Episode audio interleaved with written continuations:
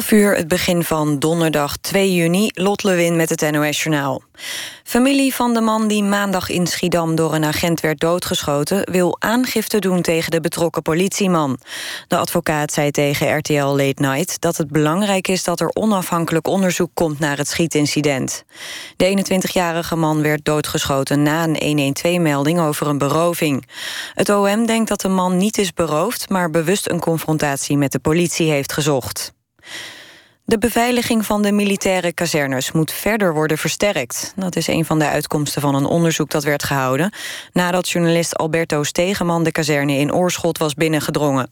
Die kon in april ongehinderd in de buurt van het wapentuig komen... en zelfs een jeep meenemen naar buiten. Minister Hennis nam na de uitzending al tijdelijke maatregelen... om de beveiliging te verbeteren. Over de inhoud van de nieuwe aanpassingen wil de minister niets kwijt. In Brabant en Limburg hebben hoosbuien tot wateroverlast geleid. In Gelderop liep een partycentrum onder... en in Deurne stortte het dak in van een bedrijf... door het gewicht van het regenwater. Ook uit andere plaatsen in het zuidoosten kwamen berichten... over straten die blank stonden. In Duitsland heeft het hoogwater drie mensen het leven gekost. Hun lichamen werden door duikers gevonden... in een ondergelopen woning in Beieren. Het Nederlands elftal heeft de oefenwedstrijd tegen Polen gewonnen. In Gdansk werd het 2-1. Vincent Janssen scoorde in de eerste helft... waarna de Polen kort na rust gelijk maakten. Jorginho Wijnaldum maakte het winnende doelpunt. En dan nog het weer. De komende uren nemen de buien af. Al kan in het zuidoosten nog veel regen vallen. De temperatuur daalt naar 14 tot 18 graden. Morgen valt er in de ochtend eerst nog wat regen. Daarna breekt de zon door. Smiddags wordt het 22 graden met opnieuw kans op een regen- of onweersbui. Dit was het NOS Journaal. NPO Radio 1. VPRO. Nooit meer slapen.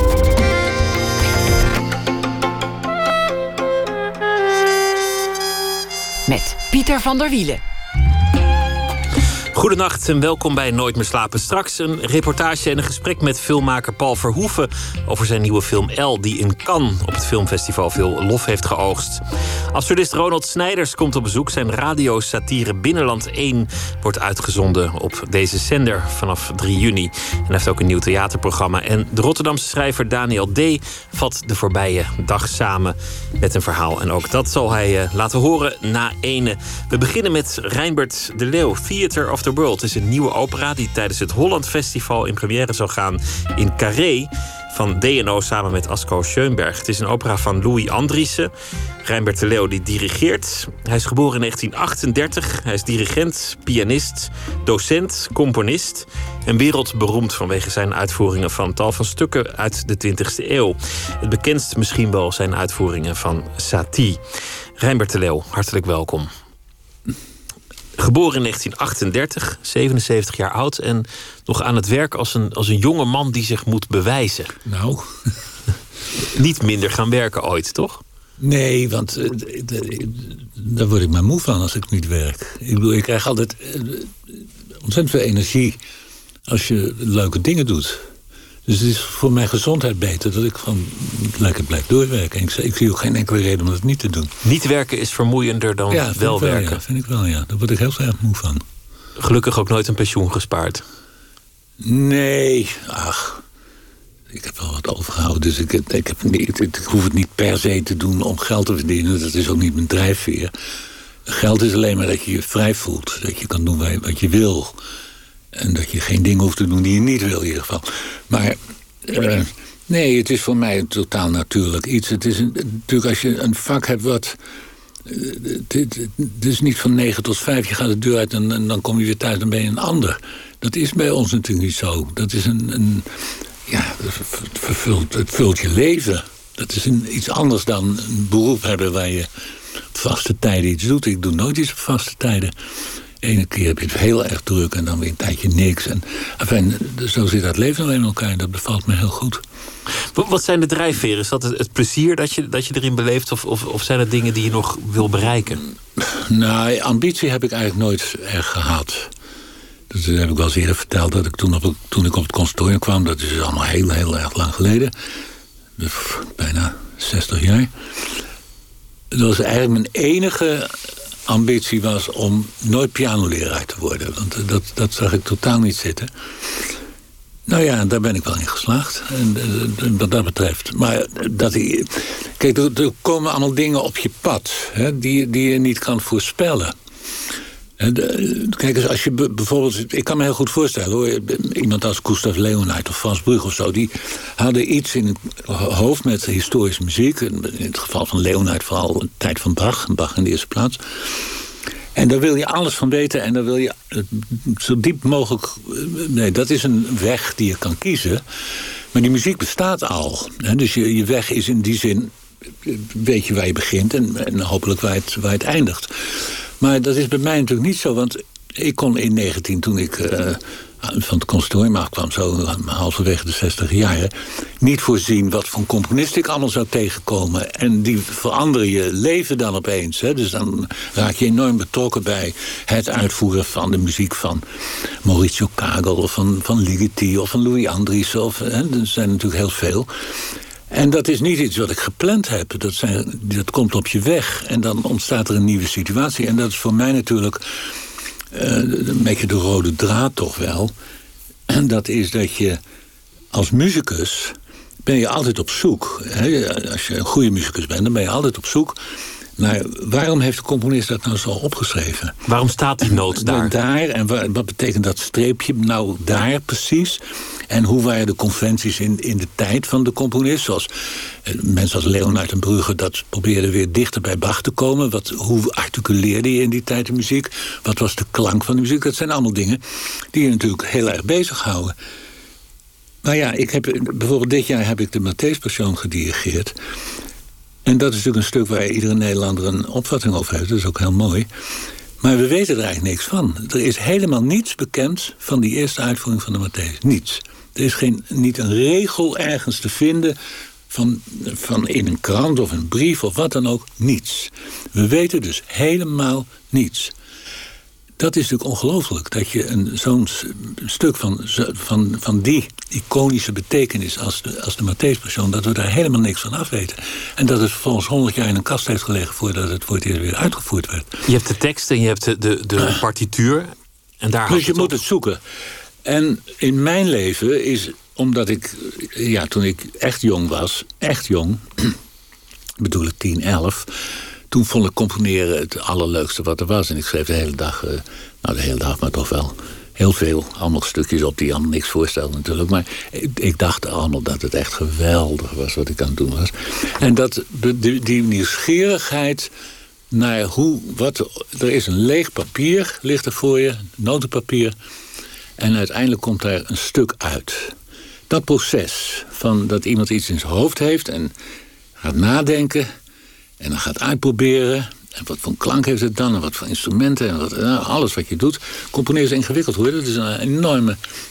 En dat proces van de denken... en uiteindelijk dat er iets op papier komt staan...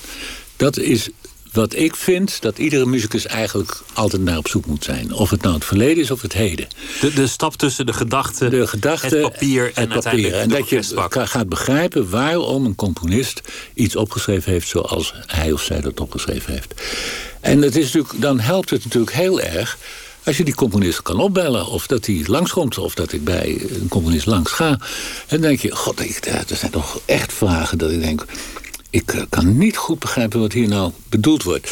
En dat is natuurlijk fantastisch. Want ik denk dat iedere muzikant toch wel ergens in zijn hoofd heeft. God, stel je voor dat je nog één keer met Beethoven zou kunnen praten of zo. Dat je, hè, dus, in, in die zin was die Matthäus-persoon een, een, een, vreemde eend in de bijt in, in jouw levensloop. Omdat... Ja, nou ja, kun je niet bellen. Nee, maar goed, er zijn natuurlijk wel, wel een heleboel meer componisten... die ik uitgevoerd heb die je niet meer kan bellen. Staat die ook niet. Die maar... staat die ook niet, of Schoenberg of Stravinsky of weet ik veel. Die kan je natuurlijk ook allemaal niet meer bellen. Maar daar staan we natuurlijk wel dichterbij. Daar weten we veel meer van. de, de, als je de vergelijkt de eerste uitvoering van de Matthäus met de eerste uitvoering van de Sacre du Printemps van Stravinsky Nou, daar weten we echt alles van. Tot de, de, de, gevechtpartijen die ontstonden en hoe, hoe het geklonken heeft, alles. We weten er ongelooflijk veel van.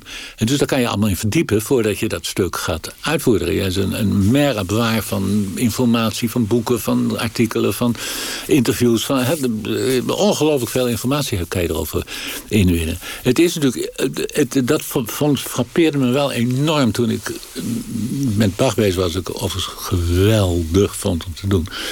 Echt geweldig. Dat er dus niks was. Helemaal niks. Er is niet één uitlating van Bach. Niets. Heb je toen getwijfeld, toen, toen, dat, toen dat gevraagd werd... of ik weet niet hoe het ging, maar toen het op je, op je pad kwam...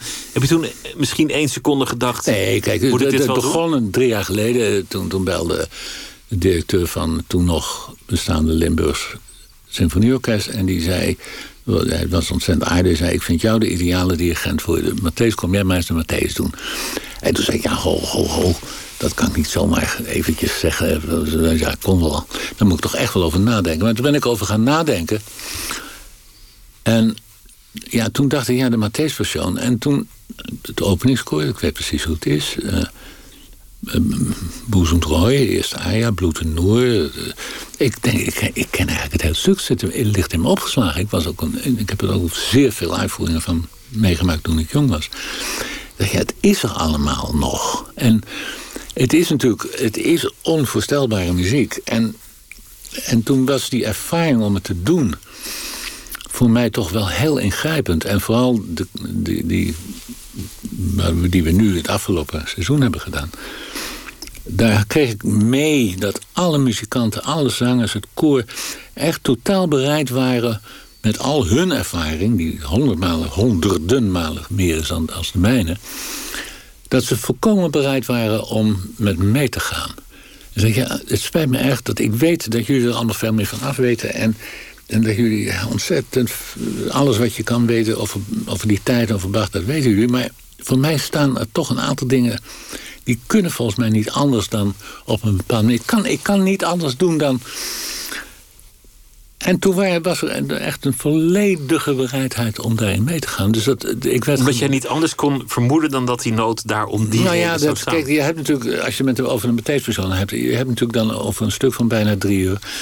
waarin geen enkele maat niet met de tekst te maken heeft. Iedere maat vanaf de eerste tot de laatste staat in het teken van de tekst en van het verhaal en van de aria's en wat er allemaal omheen gebeurt, de koralen.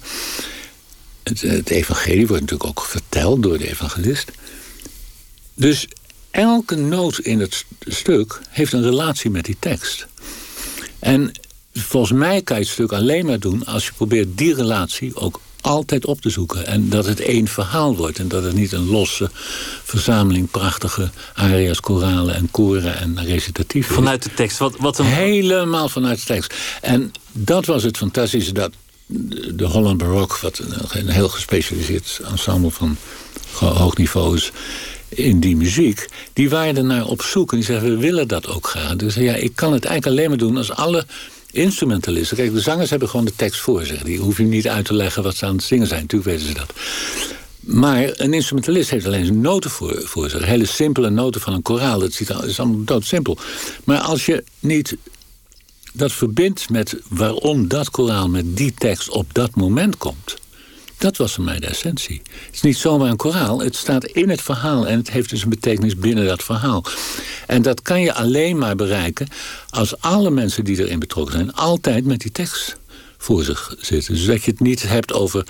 kan, die, kan dat een beetje sterker of zachter... maar dat je speelt die tekst hoe spelen we die tekst? Dat was jouw aanpak toen. Laten we het over Louis Andries hebben, want dat is iets totaal anders. Uh, Bach kun je niet bellen, maar met Louis Andries nou, ben je Louis is een, bevriend. Voor mij het, eh, ja, het meest sprekende voorbeeld, omdat het ook al zo'n een, eh, enorm lange vriendschap is.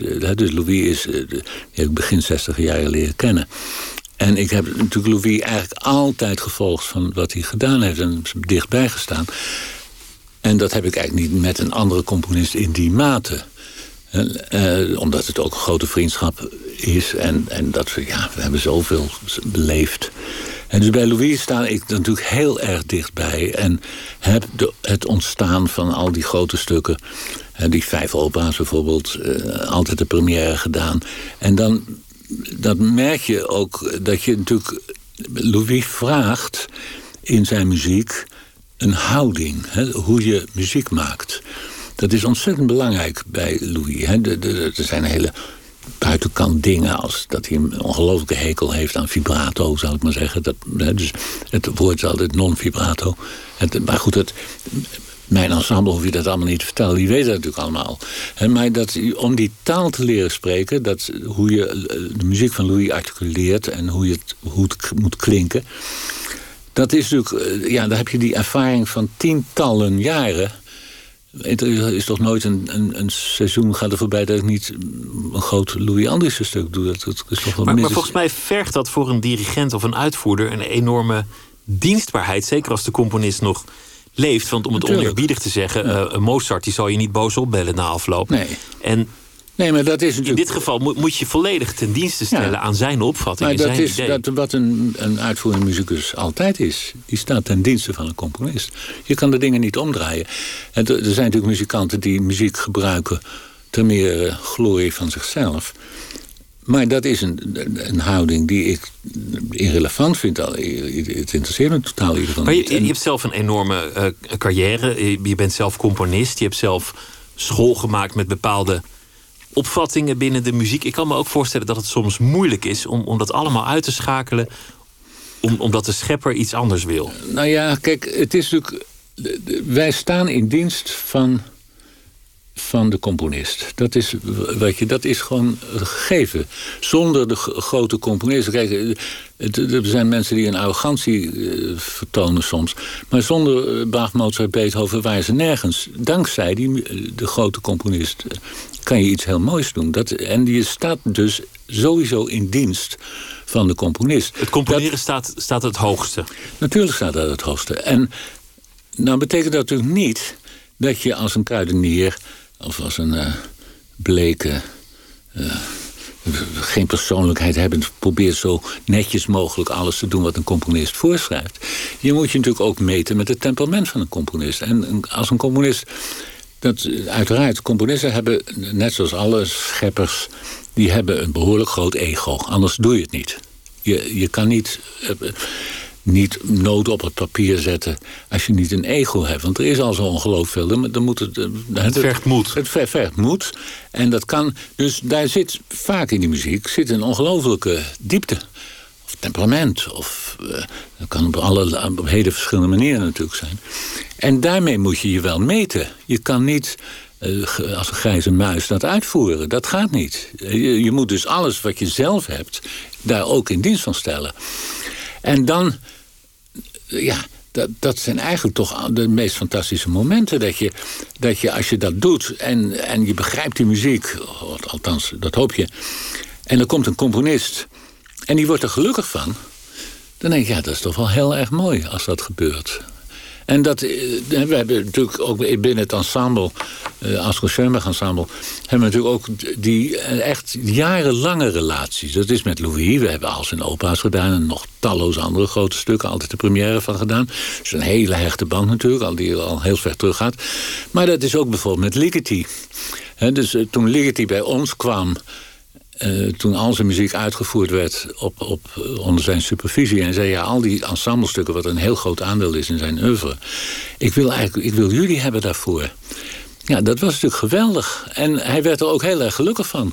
Is dat, het, is dat wel eens zo geweest dat dat niet zo was? Dat een, dat een, dat een, een componist toen hij het voor het eerst hoorde... ja, dacht, ja, die, die uitvoering, jullie hebben bepaalde keuzes gemaakt... die ik liever niet zo had ge, gehoord. Nou ja, dat, je weet natuurlijk nooit, dat kan je eigenlijk niet altijd weten als een componist er niet bij is. Maar ik heb dat in, de, in het bijzijn van componisten. Nou, misschien dat ik wel iets vergeten of weggedrongen heb, maar ik kan me in ieder geval niet, niet, niet herinneren. Ja, ik heb één keer een stuk van Peter Schat gedaan, daar was hij helemaal niet over te spreken. Uh, maar in ieder geval, ik. Um, als een componist erbij is, en dat hebben we natuurlijk heel veel... dat nu iedere dag zit Louis naast me. Hè, en uh, die roept, ho, ho, uh, uh, wil daar... Nou, Louis, dan gaan we, Louis wil daar wat meer... Dat, dat kan allemaal dingetjes zijn. Dus een componist heeft natuurlijk een grote invloed. En het, hij heeft het laatste woord. Er is wel eens een keer dat ik zeg, Louis, we doen natuurlijk, als jij het zo wil, dan doen we het. Maar ik heb er ook, ik, ik heb ook eigenlijk een voorkeur dat het, dat kan wel voorkomen. En dan, nou ja, ja, jullie gaan zo ver terug, dan is er ook respect. maar goed, hij heeft natuurlijk wel vertrouwen in mij. En ik denk, ja, Louis maakt een geweldig... Dit is ook weer een geweldig stuk. Echt fantastisch. En iedereen vindt het ook geweldig om te spelen. En het gaat goed. En, de, en mijn ensemble die weet zo verdomde goed hoe je dat moet doen. Dus dat is meteen eigenlijk, ja, denk je... daar hoef je niet, niet, niet echt veel aan te doen. Dat gaat, gaat, gaat vanzelf. En ja, dan is Louis erbij. En iedereen, dat is natuurlijk ook wel verschillend dat een componist is bij ons welkom. En dat ze altijd, we hebben natuurlijk ook componisten op bezoek gehad. Ligeti is een voorbeeld ervan. Die was berucht hoe kritisch hij kon zijn. Echt moordend kritisch. En er zijn een heleboel dirigenten die echt, echt, en ook niet de minste, die laten hem niet toe op een repetitie. Als, ze zijn als ze dood dat ze in, in ten overstaan van het orkest worden gezet. En dat kon mij helemaal... Ja, het kon me wel schelen. Maar bij mij mocht een, een componist mag alles zeggen. Er viel altijd te praten. Als u, de componist mag eerst zeggen wat hij vindt. Als hij hartstikke kritisch is, dan gaan we het we gaan het proberen beter doen. En als, als het niet goed genoeg is, dan zal ik op een gegeven moment moeten zeggen... nou ja, ik, ik kan het in ieder geval niet beter. Dan moet maar een andere doen. Dat is gelukkig nooit voorgekomen. Maar, dat, maar voor mij mag een componist alles zeggen. Zometeen gaan we luisteren naar een uh, stuk van Louis Andries. Maar eerst iets heel anders, namelijk Leo Janacek. Het 1905, uh, uitgevoerd door Rijnbert de Leeuw... het collectief en Collegium Vocale Gent. En het heet Part 2, Death.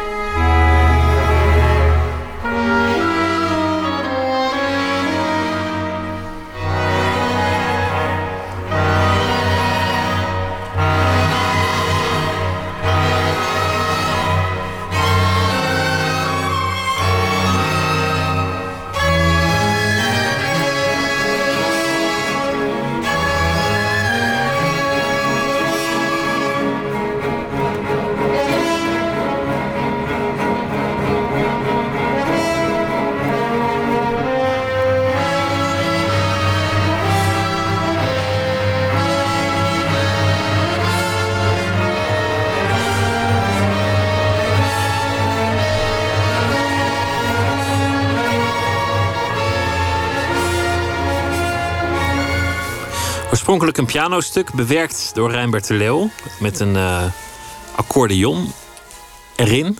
Dit, dit is wel een, wat, wat wildere bewerking dan... Dit is, dit is een stuk... Ik hou vreselijk veel van de muziek van Janacek. Echt geweldig. En dit is een, een, een, eigenlijk een pianostuk... Wat, wat wel vaker bij Janacek voorkomt... dat is een beetje ongemakkelijk om te spelen. Hoe moet je het eigenlijk spelen? Het, er staan gewoon dingen in die je niet, niet altijd even goed kan oplossen. En dit, dit stuk vind ik zelfs zo, zo ontzettend mooi. En toen weet je wat, ik ga het, ik ga het instrumenteren. En, en toen was ik zelf... Maar er moet, er moet er wel één ding in zitten wat... Ja, is ook, heeft zo'n originele, authentieke... Maar er moet iets in die instrumentatie zitten wat dat... Wat dat ook daaraan bijdraagt. En toen kwam ik dus op het idee, ik ben nog altijd blij met het idee... om een soort hoofdrol voor de accordeon erin te hebben. En ik vind ik, ik mag echt graag naar luisteren.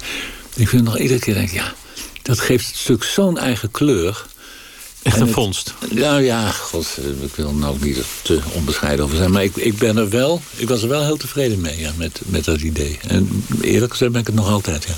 ja. Als jonge man was je al um, bezeten van de piano. Al, al heel vroeg, heel fanatiek in de muziek. Maar wel vrij lang gewacht om, om het echt tot een carrière te maken. Eerst op Nederlands gaan studeren. Ja. En daar begint eigenlijk al iets in, in die loopbaan dat anders is. Namelijk als je echt een virtuoos concertpianist wil worden dan, dan moet je dat op je twaalfde wel al weten. Dan moet je het allemaal achter. Misschien nog wel op je tiende of je achtste, of tegenwoordig op je, op je zesde. Um, als, je, als je componist wil worden, dan, dan, dan moet dat je, je bezetenheid zijn. Dat, dat was het toch niet volledig misschien. En als je, als je dirigent wil worden, dan heb je daar ook weer een apart traject voor dit is eigenlijk een, een aparte loopbaan die, die een beetje meandert. Nou ja, precies. Die... Het, het, is, het hangt een beetje van toevalligheden aan elkaar. Hè? Dus ik ging natuurlijk eh, eh, naar het consortium uiteindelijk... omdat ik, ik studeerde weliswaar aan de universiteit... maar dat stelde zo helemaal niks voor... en ik was eigenlijk de hele dag met muziek bezig. Dus ik dacht na twee jaar, ja, dat slaat natuurlijk eigenlijk nergens op. Uh, dit, dit, een valse keuze. Het is gewoon geen goede keuze. Dus toen werd het dus het consortium. Ja, dat was 1958 en... Het was van, wat ga je dan doen? Daar had ik ook niet zo'n ontzettend beeld van. Als er geen piano ik, daar was, Ik, ik componeerde, ik speelde piano. Dus ik, ik ging als, als pianist uh, daar. En, en ik componeerde, dat vond ik ontzettend leuk om te doen in ieder geval. Maar ja, toen kreeg je wel dat hoe meer je van muziek afweet... en in het consortium ging natuurlijk, gingen al die deuren open... en ik leerde muziek kennen en kocht platen en weet ik veel... Ehm, denk ja, wat moet ik daar nog aan toevoegen? Dat is, dat is heel intimiderend wat er allemaal niet bestaat op muziekgebied. Wat, dat is dan de pretentie te denken dat je daar nog iets aan toe te voegen hebt. Dus dat werd voor mij, hoe meer ik ervan afwist, hoe moeilijker het werd. En op een gegeven moment was het eigenlijk zo moeilijk dat ik dacht, ja, ik kan mezelf nou wel pijnigen de, iedere dag dat ik eigenlijk moet componeren. Maar ik heb, dat, dat, dat, dat, levert zo weinig op. Dus, eh, Zoals je net zei over componisten, je moet een groot ego hebben om dat te doen. Misschien ontbrak het jezelf daaraan. Nou ja, ik, ik, dat, je kan het ook gewoon gebrek aan talent noemen, denk ik. Want het is, je, je moet tegen dat bestand zijn als componist. Je moet bestand zijn tegen die overweldigende aanwezigheid van meesterwerken. En dat is ook iets heel anders als je denkt aan, aan de tijd van Mozart en Beethoven en zo. Toen bestond er eigenlijk nog helemaal geen geschiedenis. De muziek die toen werd uitgevoerd was die van Mozart en die van Beethoven. Daar ging men naartoe. En zelfs in, in, in Mozart's tijd werd al geen Bach meer gespeeld. dus de focus was heel erg op nieuwe muziek. De componisten die moesten ook, eh, als Haydn, al die symfonieën dat, is een, dat is een baas die zei, ja, die hebben we vorige week al gedaan. Er moet weer een nieuwe symfonie komen. dus er was een, heel natuurlijk dat je focust op de muziek die er geschreven werd. Dat is in de 19e eeuw langzamerhand ten onder gegaan. In de 20e eeuw definitief helemaal. Dus, dus dat verleden is voortdurend aanwezig. Dat is een heel groot verleden. Dat dringen om op het programma te komen bij een, een orkest of een ensemble is natuurlijk enorm. Dus zoveel repertoire dat je als componist echt in de rij staat om, om uitgevoerd nou ja, te worden. dat is ook het, het, dat repertoire is enorm. Dan heb je natuurlijk gelukkig die ensembles, die, zoals het Asko Schoenberg, die zich daar ook op richten, om ook jonge componisten. En, en, en, dus, en muziek die buiten het symfonieorkest valt, om die een kans te geven. Maar ja, het, het blijft natuurlijk, er is die overweldigende dat overweldigende verleden. Wat er altijd is, wat iedereen in zijn kop heeft zitten. En om dan daar tegenover nog iets... Ja, ik heb het nou een paar jaar geleden toch nog weer een keer gedaan. Ik vond het zelf ook onwaarschijnlijk pretentieus allemaal. Een, een orkeststuk van drie kwartier heb ik geschreven. En toch, blijkbaar kon ik het toch niet laten. En al die jaren dat ik... Maar als je dat het allerhoogste vindt dat, dat er in de muziek bestaat, het componeren dan kan, ik, ja, dan kan het toch ook niet anders dan dat er een drang is om dat te doen. Nou ja, maar het is ook tegelijkertijd ook het allermoeilijkste. Ik heb dat toen weer gedaan en ik had in, 40 jaar niet voor een symfonieorkest geschreven. Dus ik dacht, waar haal ik toch de pretentie vandaan? Om te denken dat ik wel weer eens even een stuk voor orkest eh, zou schrijven. En dat hele proces maakte me weer opnieuw meer dan duidelijk hoe waanzinnig moeilijk het is om te componeren. Je hebt ook wel eens aan iemand gevraagd die een stuk van jou wilde uitvoeren om het, om het maar niet nee, om het te niet. laten. Nee, en die stukken die ik in het verleden heb geschreven, daar doe je me echt geen plezier mee. Ik denk, nee, dat is toch Laat maar. dit is niet goed genoeg. Het is, dat, laatste, dat laatste stuk voor orkest, dat heb ik zelf met het Radio Philharmonisch uitgevoerd. En daar heb ik geen spijt van, eigenlijk. Dat vond ik al, vond ik al een ongelooflijke overwinning. Dat ik niet thuis zat. Ik oh god, waarom heb ik dit nou toch gedaan? Het lijkt helemaal nergens op. Dat dacht ik wel tijdens het componeren. Maar toen bij de uitvoering dacht ik, nou ja... iedereen mag het uh, afgrijzelijk vinden... maar dit was wel wat ik bedoelde.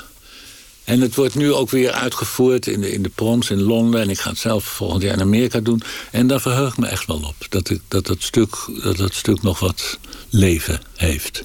Wat is dan je nalatenschap, eh, als je in, in die termen wil denken? Want, want voor een componist is het natuurlijk prachtig dat je stuk ja. door volgende generaties misschien nog wel Kijk, een partiteur blijft. Hè? Dat is natuurlijk zo. Ik, ik denk dat beetje toch, toch wat het een beetje met elkaar verbindt is dat ik wel altijd heb geprobeerd om in een situatie te verkeren waarin componisten echt welkom zijn. Dat is natuurlijk in de 20e eeuw op een gegeven moment is dat uit elkaar gevallen. En componisten waren niet meer welkom. En muzici, uitvoerende muziek hadden een hekel aan om het te doen. En daar ontstond dus iets wat heel, eigenlijk heel natuurlijk is. De, de verbinding van de uitvoerder met de componist. Dat is zwaar verstoord geraakt sinds het begin van de, van de 20e eeuw. En dat opbouwen van ensembles, dat was natuurlijk niet alleen in Nederland, je hebt het in Frankrijk, in Londen, in Duitsland, overal. Van mensen die bij elkaar komen en zeggen: ja, maar wij vinden het nou juist wel dat we het wel moeten doen. En dat je dat met elkaar probeert te verbinden. Dat, dat een componist echt welkom is. En wat je dan ook doet, door die door die samenwerking en dat je een taal leert spreken... en dat je van binnenuit die muziek gaat begrijpen... en dat de componist... vaak is het alleen maar om naar, naar iemands hoofd te kijken... naar de expressie van... Koertaak is een prachtig voorbeeld van... Die, dat zie je aan zijn hele gezicht wat hij allemaal wil dat je dat probeert ook inderdaad een plek te geven in het uitvoeren. En ik, ik denk wel dat bijvoorbeeld die Ligeti-editie die we gedaan hebben... dat we uh, vioolzet, pianozet, kammerconcert... heel al die stukken die we hebben opgenomen in zijn bijzijn... en onder zijn supervisie... dat ligt er over honderd jaar natuurlijk nog. Dat ligt er.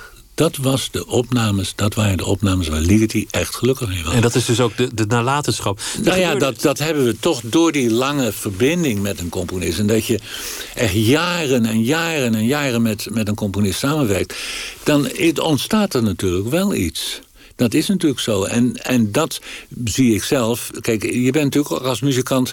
Je, vaak is het van hapsnap en dan moet daar en nog een première hier. En, en, en onze mogelijkheden zijn natuurlijk drastisch afgenomen... sinds al het gruwelijke uh, regeringsbeleid... wat we over ons heen hebben gekregen al die jaren.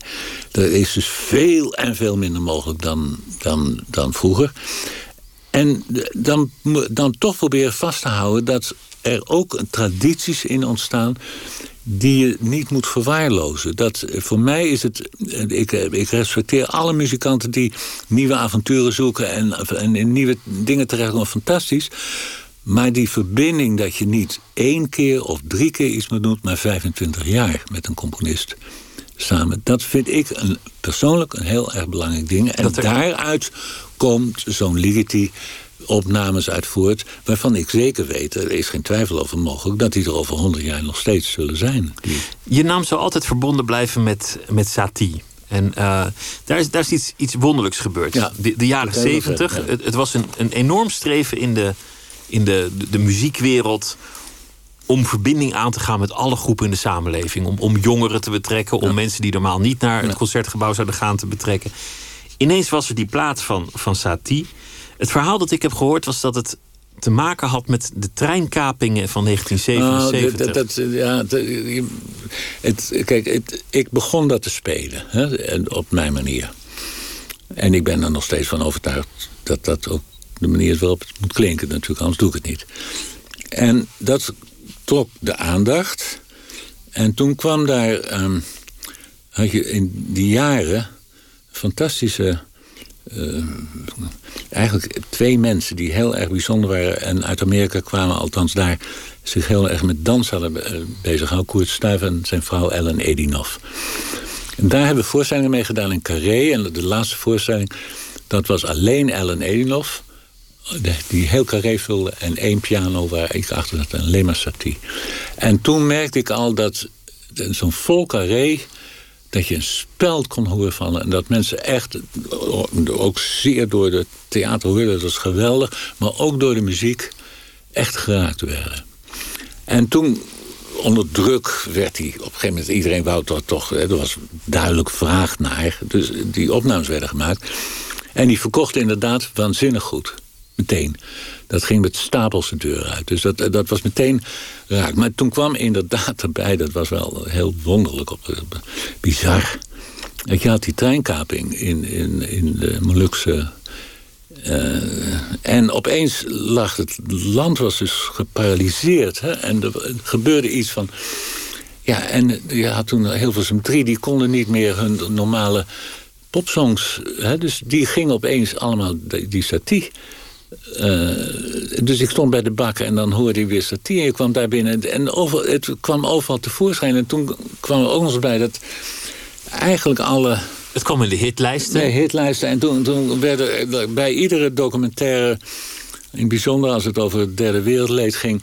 dan hoorde je weer op de achtergrond hoorde je mij weer spelen. Maar, maar het was, het was die uitvoering, want het, die stukken werden daarvoor ook wel gespeeld... Mm. maar op een veel meer, uh, laat ik zeggen, concertante uitvoering. En, en dit was haalde iets naar boven in die compositie.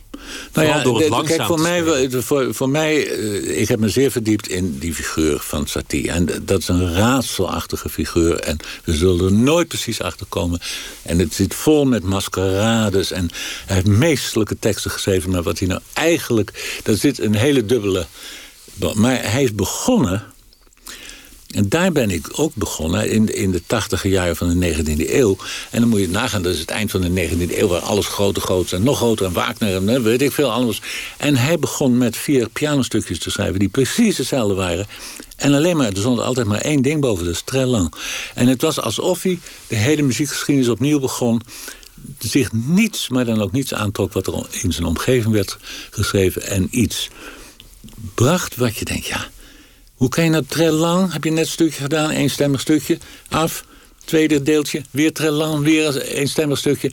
dus hij deed niet eens een poging om, wat jij dan noemt, concertant, leuk, mensen te amuseren, vluchtdeeltje, een langzaam deeltje, weet ik veel. Zo zo ontzettend veel komen. Nee, consequent was er maar één ding. Très lang. Er staat één, één stuk wat ik van hem gedaan heb. Dat is wel het meest bizarre stuk. Dat is eigenlijk een ballet. Usput. Dus het is totaal buiten de orde, bijna. 35 minuten, ik heb ik geloof ik één keer geteld...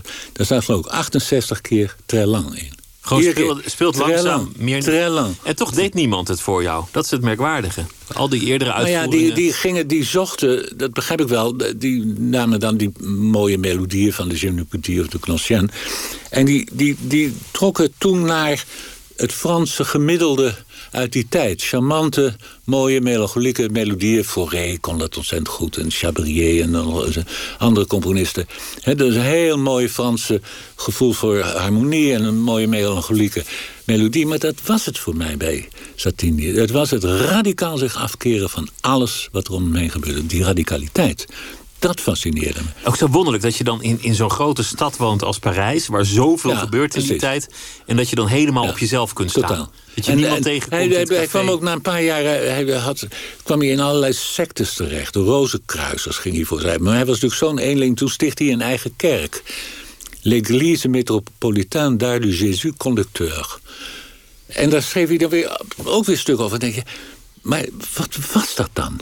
En dat was dus een heel andere kant van Parijs in 1890... Eh, dan die charmante, leuke, toegankelijke, mooie, mooie melodieën schrijven... zoals Fauré. Het is totaal iets anders in mijn eh, ogen. Totaal iets anders. En die, die uitvoeringen die zijn enorm aangeslagen tot op de dag van vandaag. Je bracht uh, niet zo heel lang geleden nog een album uit... samen met Barbara Hannigan, zangeres...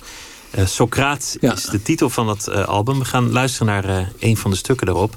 Tram Melodie en het stuk heet Les Anges.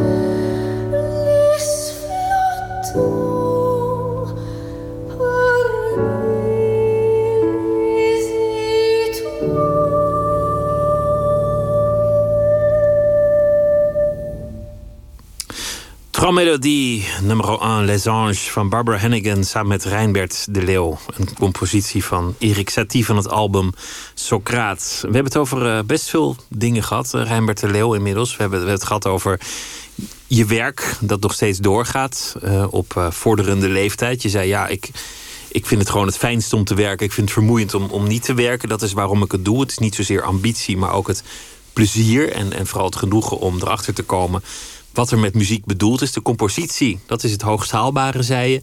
Waarom staat die ene noot daar? Daarom is het ook iets geworden dat bij jou past om, om met de componist samen te werken. Een uitvoeringspraktijk op te bouwen met de componist samen, langdurig samenwerken. Zo ook in, in het geval van Louis Andriessen, dat is de aanleiding dat we hier zitten. Over je eigen composities was je heel bescheiden. Je, je zei ja, dat, dat is gewoon niet geniaal genoeg. En, en daarom is, is dat niet de kern van mijn, van mijn vak geworden. En een uitvoerder, dat is wat je in essentie bent. Nou ja, ik heb natuurlijk nooit helemaal verloren dat als je heel jong bent en je, en je gaat op notenpapier en je gaat een, drieklankje neerzetten. En dan denk je toch, dit is toch verbazend. Euforisch word je ervan. Helemaal nog zonder het besef dat dat al duizenden malen... Omdat je niks weet. Omdat je niet weet. Maar het, de euforie van het opschrijven. En dat heb ik wel weer een beetje teruggevonden in een stuk wat ik geschreven heb voor Barbara Soekova, actrice. In Wunderschöne Molen mij. Helemaal gebaseerd op, op liederen en teksten van Schubert en Schumann en um, Goethe en Heine. En, daar heb ik dus een soort theaterversie van gemaakt. En met heel veel ingrepen en zo. En toen kreeg ik dat gevoel weer terug. Die opwinding. En dat was natuurlijk ook, ik componeerde met de noten van Schubert en Schumann. Dat is natuurlijk veel makkelijker dan als je met een leeg papier begint. Dat is duidelijk. Maar het feit dat je daar, wat je ermee zou kunnen doen en wat je deed, dat gaf wel een enorm euforisch gevoel. Dus toen dacht ik, ja, dat herinner ik me nog toen ik echt jong was. Dat, die opwinding. Dat je van, die noten wat je, dat je iets opschrijft. Dat is een enorme opwinding. En die was ik kwijtgeraakt. En die kwam toen toch wel een beetje terug weer. En toen dacht ik, ja, potverdriezen het is toch wel fantastisch. Als, als, als het iets wordt, dan, dat, dat is dan toch een onvergelijkbaar soort ervaring. Beginnen met een leeg vel en eindigen, met, eindigen met, dat er een stuk, ligt. Ja. Dat blijft wel. Dat blijft toch, toch krabben, dat blijft trekken. Ja, zeker. Je, je begon al heel jong in de muziek en, en jouw periode dat, dat je echt uh, uh, nou ja, op het podium kwam, dat, dat, was dat waren de jaren 60 en 70 toen op alle manieren de samenleving hervormd moest worden. De, de, tijd van de democratisering, de tijd van de, de, emancipatie. En ook in de muziekwereld was het zeer rumoerig. Ja, heel rumoerig, ja. Jij hebt je ingezet toen ook voor, voor een andere manier van, van nou ja, wij, wij, kijk, het was natuurlijk een beetje de generatiekloof... die, die eh, van de, de componisten bijvoorbeeld die na de Tweede Wereldoorlog begonnen weer die muziek opnieuw te formuleren en opnieuw te zoeken naar wat is de taal waarin we schrijven. En enfin, dat was een enorme. Boulez en Stockhaus, hè, dat was een enorme. En wij vonden dat in, in Nederland daar volkomen voorbij werd gegaan. We vonden dat dat een plek moest krijgen. Dus we hebben inderdaad open brieven en enfin, de notenkrakeractie en weet ik veel, veel van ons laten horen. Eh, om ja, om dat muziekleven wat, wat interessanter te maken, eigenlijk toch. Op te schudden. Ja, dat er zoveel meer was dan we, dan we eigenlijk al kenden. En dat er, dat er ook een beetje een avontuurlijke kant aan zat. En, en toen zijn er van al die... Dat was een bruisende tijd natuurlijk. Al die initiatieven die dan links en rechts kwamen. Is dat als je, als je nu kijkt, hè? Want, want de, de notenkrakeractie krijgt tegenwoordig eh, wat wordt wel eens in een negatiever daglicht gesteld uh, in, in recente commentaren. Maar als je kijkt naar de uitvoeringspraktijk van dit moment, lijkt het wel alsof het een beetje terug bij af is. Alsof nou alles wat jullie bereikt hebben. Dat, dat, kijk, we hebben natuurlijk in alle jaren is er heel geleidelijk en vaak tegen enorme druk in zijn er dingen veranderd. Dat componisten een beetje erkend werden dat dat ook een beroep is. Dat mensen niet. Dat, eh, dus we hebben, we hebben ons ontzettend ingezet dat er een fonds voor kwam. Dat er ook podia kwamen die niet alleen het traditionele repertoire deden. Dus uiteindelijk dat zo'n muziekgebouw aan het eider is gekomen... dat is toch een, natuurlijk in de eerste plaats dankzij Jan Wolf... want die heeft het allemaal twintig jaar lang echt fantastisch op op op de kaart gezet. Maar het was ook het gevolg van al die muziek die er gemaakt werd... waar eigenlijk in, Amsterdam niet eens een podium voor was. En dan het ontstaan van ensembles als Asko Schoenberg... er zijn natuurlijk ook andere die zich op die manier met componisten bezig hielden. Nieuwe stukken. Dat is een, een, iets wat heel langzamerhand gegroeid is. Sinds de zestiger jaren. En, en echt met mondjesmaat. Het was nog altijd vechten en sappelen. En, En met minimum aan, aan geld en mogelijkheden om dingen te doen. En daar is op zo'n ongelooflijk cruwe manier een einde aan gemaakt. Wat er aangericht is in dat, dat kabinet, waar ik de naam niet van wil noemen, dat is onvoorstelbaar. Juist op dat terrein. Kijk, het Concertgebouw zal altijd overleven. Het Rijksmuseum en dat, dat zijn instituties die overleven dat. Maar juist in die, dat kwetsbaar gebied, waar iedereen toch al met heel weinig middelen moet proberen er iets van te maken... is het zo ongelooflijk hard aangekomen. Dat er nu, een, nu componist zijn in Nederland... Dat, dat, dat, kan je bijna niet meer begrijpen, dat het op die manier is afgebroken. Dat, en, dat ze bijna veroordeeld zijn tot armoede. Dat is, je kan, ze mogen zelfs niet eens meer een, een opdracht aanvragen. Dat moet allemaal tienvoud door anderen gedaan worden. Het is één waanzinnige bureaucratie. Het, het is, het is, daar is met veel liefde zijn er dingen tot stand gebracht. Met echt veel inzet van mensen. En dat is gewoon van de kaart geveegd. En dat is nog altijd iets wat me totaal verbijstert. Dat je er 40 jaar over doet om een paar dingetjes een beetje, een beetje beter te organiseren. Dat het met één pennenstreek kan verdwijnen. Dat is toch een deel ook van jouw levenswerk en dat van vele anderen dat, dat niet is gedaan. Ja, ja, absoluut. Een leven dat, dat in essentie toch ging over muziek. Uh, ik, ik, weet dat je ook een rijk sociaal leven hebt. Ik weet dat je hele goede vriendschappen hebt. Dus er zullen ongetwijfeld liefdes zijn geweest. Maar, maar volgens mij, als je het zou moeten samenvatten, was het gewoon een leven in de muziek. Klopt dat? Ja, de muziek is toch wel de hoogstaat. Ja, en dat. Ik ken ook eigenlijk echte, echte, voor mij interessante inspirerende mensen in de muziek... ja, daar geldt eigenlijk hetzelfde voor. Ik bedoel, ik, ik ken nou Louis Andriessen heel erg goed. Er zijn heel veel, we hebben een huis in Frankrijk. En dat maakt helemaal niet uit waar Louis is. Die verdwijnt in zijn studio. Iedere dag, wat er ook verder aan is... die is voor een aantal uren. Dat is een soort discipline in zijn leven... waar hij ook niet zonder kan. Dat, dan zou ze, wil hij ook niet zonder, dat is er gewoon. En ja, dat heb ik ook. Ik bedoel, als ik in mijn huis in Frankrijk zit, dan ik heb daar, ik heb daar een vleugeltje boven staan, een mooie kamer. Heerlijk. Dan, dan is het niet vakantie van de muziek hebben. Dat, dat ken ik niet. Is er nooit gezegd, hé hey, Rijnbert, er is meer het leven dan een piano... of Rijnbert, doe niet zo ongezellig of, of, of dat soort dingen? Mm, nee. Nou ja, het zal misschien wel eens een keer gezegd zijn. Maar het werd niet gehoord? Uh, Gelukkig. Nou ja, ik, ik, weet het eigenlijk niet. Ik ken eigenlijk de mensen die, waar ik echt mee bevriend heb... daar deden we dat mee. Dat, er zijn natuurlijk een aantal muzikanten waar ik heel erg mee bevriend ben. Vera Betts, om maar eens iemand te noemen. Ja, dat, die passie voor de muziek, dat drijft je. Dat, dat, dat is ook... Ja, ik kan me dat ook, ik kan me daar ook niet zo anders bij voorstellen. Ik zou niet weten hoe, hoe ik het anders zou moeten doen, zou ik maar zeggen. Dat, uh... Een aantal van, jou, van jouw echt naaste vrienden, Harry Mulisch, Hans van Mierlo, er zijn er meer die, die zijn er niet meer. Nee. Die, die, die zijn, je, zijn je ontvallen. Ja. Nou ja, dat, is, uh, dat is natuurlijk gewoon de, als je op de leeftijd komt waarin dat dus gebeurt, meer en meer. Dat is natuurlijk heel erg moeilijk, vind ik dat. Ik, heb, ik, ik kan dood sowieso niet begrijpen. Ik kan niet goed begrijpen. Maar dat je mensen, zoals Harry die, ja, die heb ik ook, ook 50 jaar gekend. Uh, nou, 50 niet, maar, maar wel 45 of zo. Ja, dat, dat was een soort. Dat, het, is ook een, het gaat er niet eens om of je elkaar nou zoveel ziet, maar de aanwezigheid van mensen waarvan je weet dat je daar zoveel mee deelt. We hebben natuurlijk ook een verleden met Harmonisch opera gemaakt, opera's en weet ik veel, ontzettend veel meegemaakt. En dat zijn dan, en in het geval van Hans van Meerlo, dat, dat, ik was altijd benieuwd naar wat de mening van Hans over is. Om een soort moreel eikpunt van het te hebben. Iemand met zo'n integriteit en bereidheid over alles na te denken. Ja, dat zijn, dat zijn ontzettend waardevolle dingen in, het, in mijn leven waren dat. En ik vind dat heel moeilijk als daar een eind aan komt. Ja. Zelf uh, nog steeds een, een uh, gedreven roker, een, een, harde werker. Maar, maar de jaren hebben eigenlijk. Ik, ik, zag wel een stok toen je binnenkwam, maar verder hebben de jaren je onaangeroerd gelaten.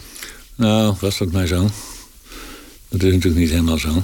En uh, Ja, dat, kijk, dat, daar kan ik ook niets meer aan veranderen. Dat is gewoon... Uh, het komt. Dat, ja, dat... Ik, ik gold eigenlijk altijd in mijn vriendenkring als een soort medisch wonder... dat ik ongezond leven en veel te veel roken en allemaal dingen... Uh, geniet sporten en weet ik veel. Maar ik had, ik had, dat heb ik nog wel, als ik werk, dan heb ik eigenlijk nergens last van. Ik kan gewoon de hele dag repeteren en ik voel geen spierpijn of weet ik, dat heb ik gewoon niet. Het is een beetje, ja, zolang als het gaat. Ja. Ik ben voor. Maar ja, je hebt dirigenten die. Uh, Stokowski die, die tekende nog een vijf jaar contract op zijn 94ste. Ik hoop niet dat hij het gehaald heeft, maar toch, die, die was nog op zijn 94ste. Dus dirigenten die kunnen ongelooflijk oud worden. En, en, in de muziek gaat iedereen door tot hij tot echt omvalt. Dat, dat, is gewoon zo. Nou ja, je zag het aan Frans Brugge bijvoorbeeld. Hè? Ja. Frans Brugge aan het eind van zijn leven. Zo boos. Maar dan eigenlijk alleen nog maar met zijn ogen dirigeren. En ik ben er niet meer bij geweest, maar mensen die zeiden... Ja, die, bij die laatste concerten gebeuren ongelofelijke dingen dat hij toch nog in staat was om iets heel erg bijzonders te doen. En dat was ook iemand die kon je niet voorstellen dat hij uh, met pensioen zou gaan. Dat, dat, dat kan je hem niet eens voorstellen. Dat bestaat niet. Dat kan niet. Ik ben vorige week bij de repetitie geweest van het uh, nieuwe stuk Theater of the World. We gaan nu uh, luisteren. Van, volgende week zaterdag gaat het in première in uh, Carré. Het stuk is al uitgevoerd in Los Angeles, maar dit is uh, voor het eerst in Nederland. Ja. En we gaan nu luisteren naar een ander stuk van Louis Andriessen, ook uitgevoerd door Asko Schoenberg, Rijnbert de Leeuw en kinderkoor De Kikkers van Muziekschool Waterland en de Nederlandse opera La Commedia. En dat heet Garden of Delight. Rijnbert de Leeuw, dankjewel.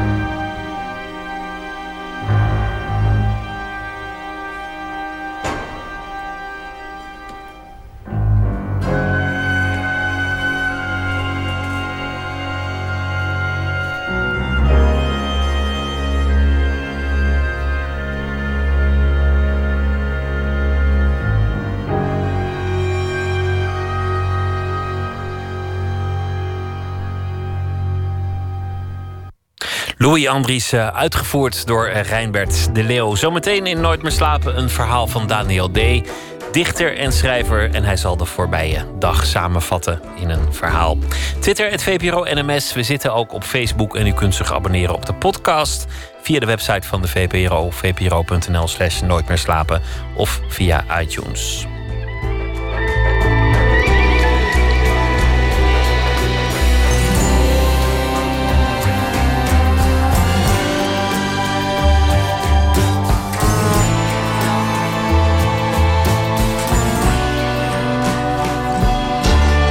Radio 1. Het nieuws van alle kanten.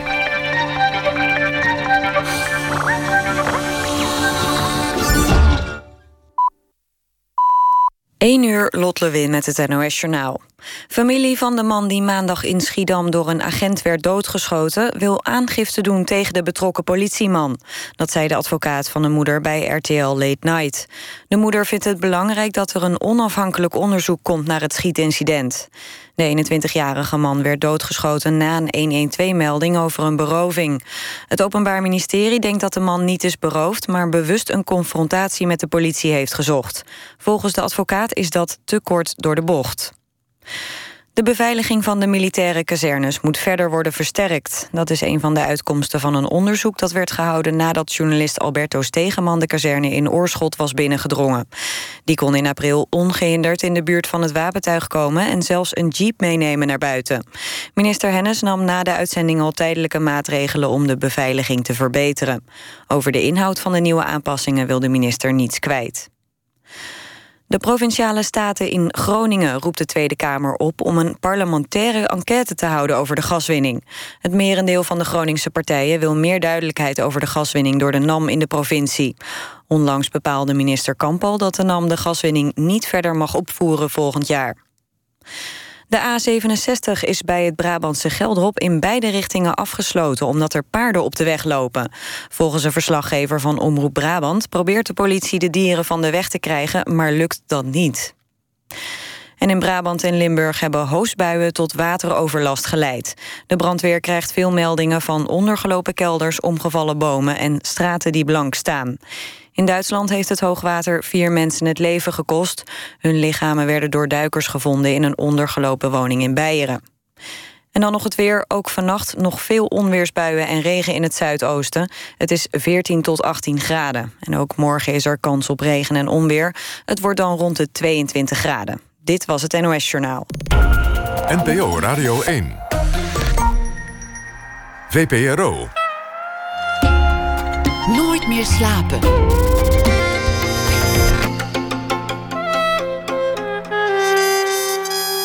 Met Pieter van der Wielen.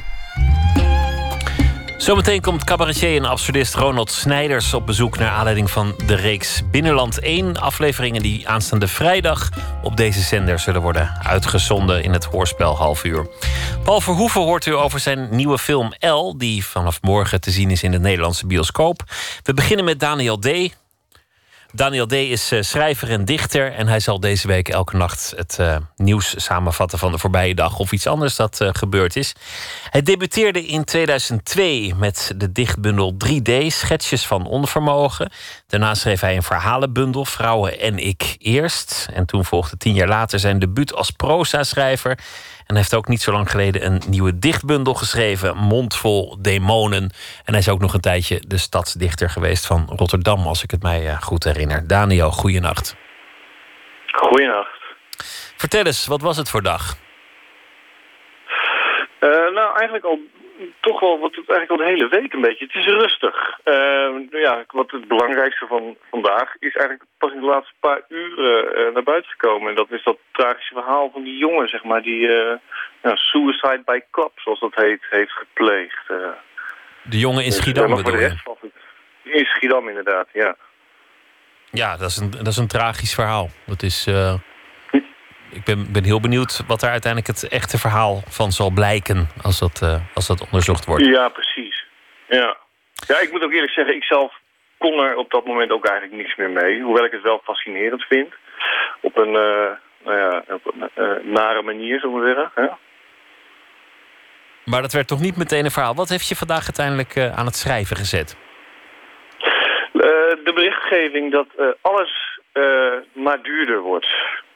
Ja, dat las ik. En dat als je over de laatste twintig jaar waren dingen gemiddeld geloof ik elf keer duurder geworden. En daarmee hebben we een constante inflatie van zo'n, eh, wat was het, 2% per jaar geloof ik.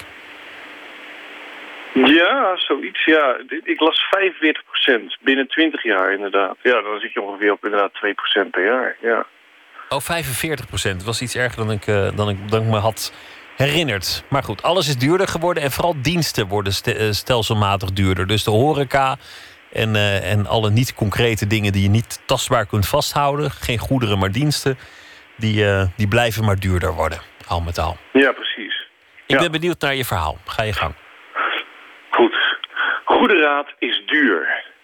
Een communicatiemeisje van een niet nader te noemen middelgroot museum belde me op met de vraag of ik een gedicht wilde schrijven en voordragen tijdens de opening van een nieuwe expositie.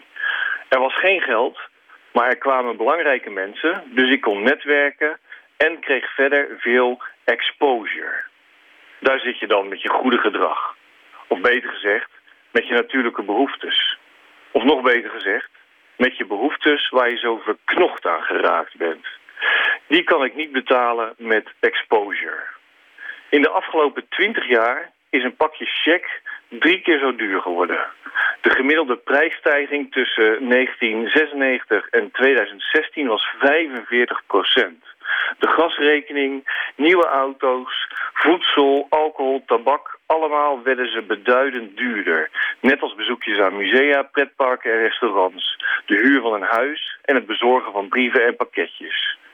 Maar extreme armoede treft meisjes en vrouwen het meest. Dus ik mag er weer niets over zeggen, anders ben ik seksistisch. Alleen een tweedehands auto is goedkoper geworden. Goedkoper zelfs dan een dagje naar het pretpark. Maar ik heb geen rijbewijs. Wat denk je dat dat kost? Overigens mogen pretparken van mij wel veel en veel duurder worden. Zo duur dat ik er nooit meer naar binnen kan. Dan ben ik van die ellende verlost. Ik hou gewoon niet van gedoe, maar wel van zeuren. En de cocaïne wordt ook alleen maar duurder. Dat komt natuurlijk door de ruim 30.000 kilo die in de afgelopen maanden is onderschept. Schaarste zet klanten aan tot kopen. Dat zei ik allemaal niet tegen het communicatiemeisje. Ik mompelde iets van dank dat jullie aan me gedacht hebben, maar bedankt. Je voelt je als mens steeds goedkoper. Dankjewel Daniel voor het verhaal. Moet je eigenlijk ook meestal gewoon niet doen. Ik, ik word ook zo vaak gebeld voor dingen van... we hebben helaas geen budget, maar we dachten meteen aan jou. En, en vooral die twee dingen in één adem. We hebben geen budget. Ze zeggen nog niet, we hadden geen budget, dus we dachten aan jou, gelukkig. Maar dat moet je toch niet doen, want dan blijkt er toch altijd op zijn middag iemand anders te zitten waar ze wel ineens budget voor hadden. En die daar ook dan de afloop over gaat opscheppen hoeveel budget ze voor hem hadden. Ja, iedereen wordt betaald. Van de catering tot het geluid en de, alle technici. Maar iemand die iets moet presenteren of interviewen. Nou ja, of ik als dichter, ja, die krijgt dan weer niks. Ja, een boekenbon. Ja, ik, ik, ik heb het heel vaak gedaan om voor een fles wijn. Dat maakt me eigenlijk ook geen, geen donder uit als het, als het leuk is. Alleen dan is vaak die wijn ook weer zo dat, dat, je, dat je dan, als je ervan gedronken hebt, dan heb je ook, ook al was het maar een glaasje hoofdpijn de volgende dag. Daar was dan ook geen geld voor. Nou ja, oké. en verder wordt alles duurder. Behalve, behalve jij en ik. Daniel, dankjewel. Goeienacht. Graag gedaan. Tot morgen. Ze komen uit Landudno in Wales. Het is een indie band Catfish en The Bottlemen. Hun tweede album The Rides. Daar vonden we een akoestisch stuk op. En dat gaat over een liefje uit de stad Glasgow.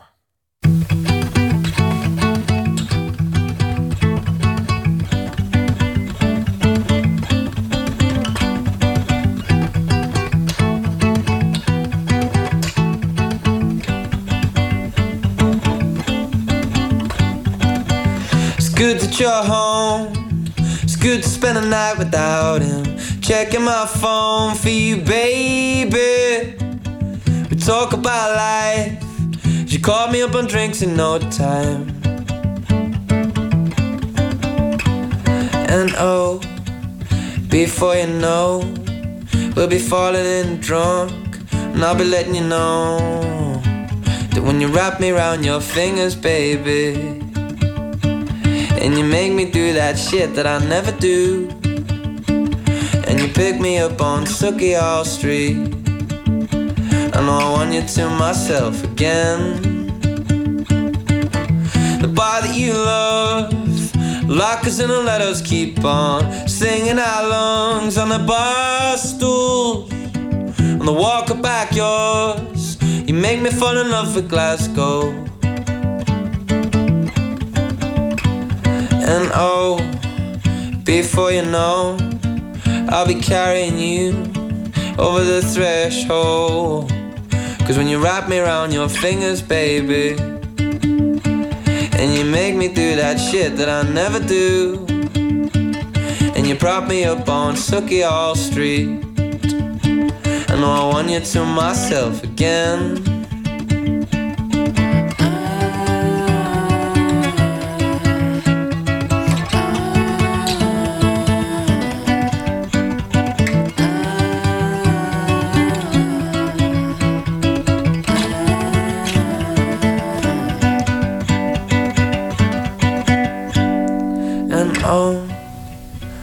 Before you know, we'll be falling in drunk, and I'll be letting you know. And when you wrap me around your fingers, baby, and you make me do that shit that I've never done.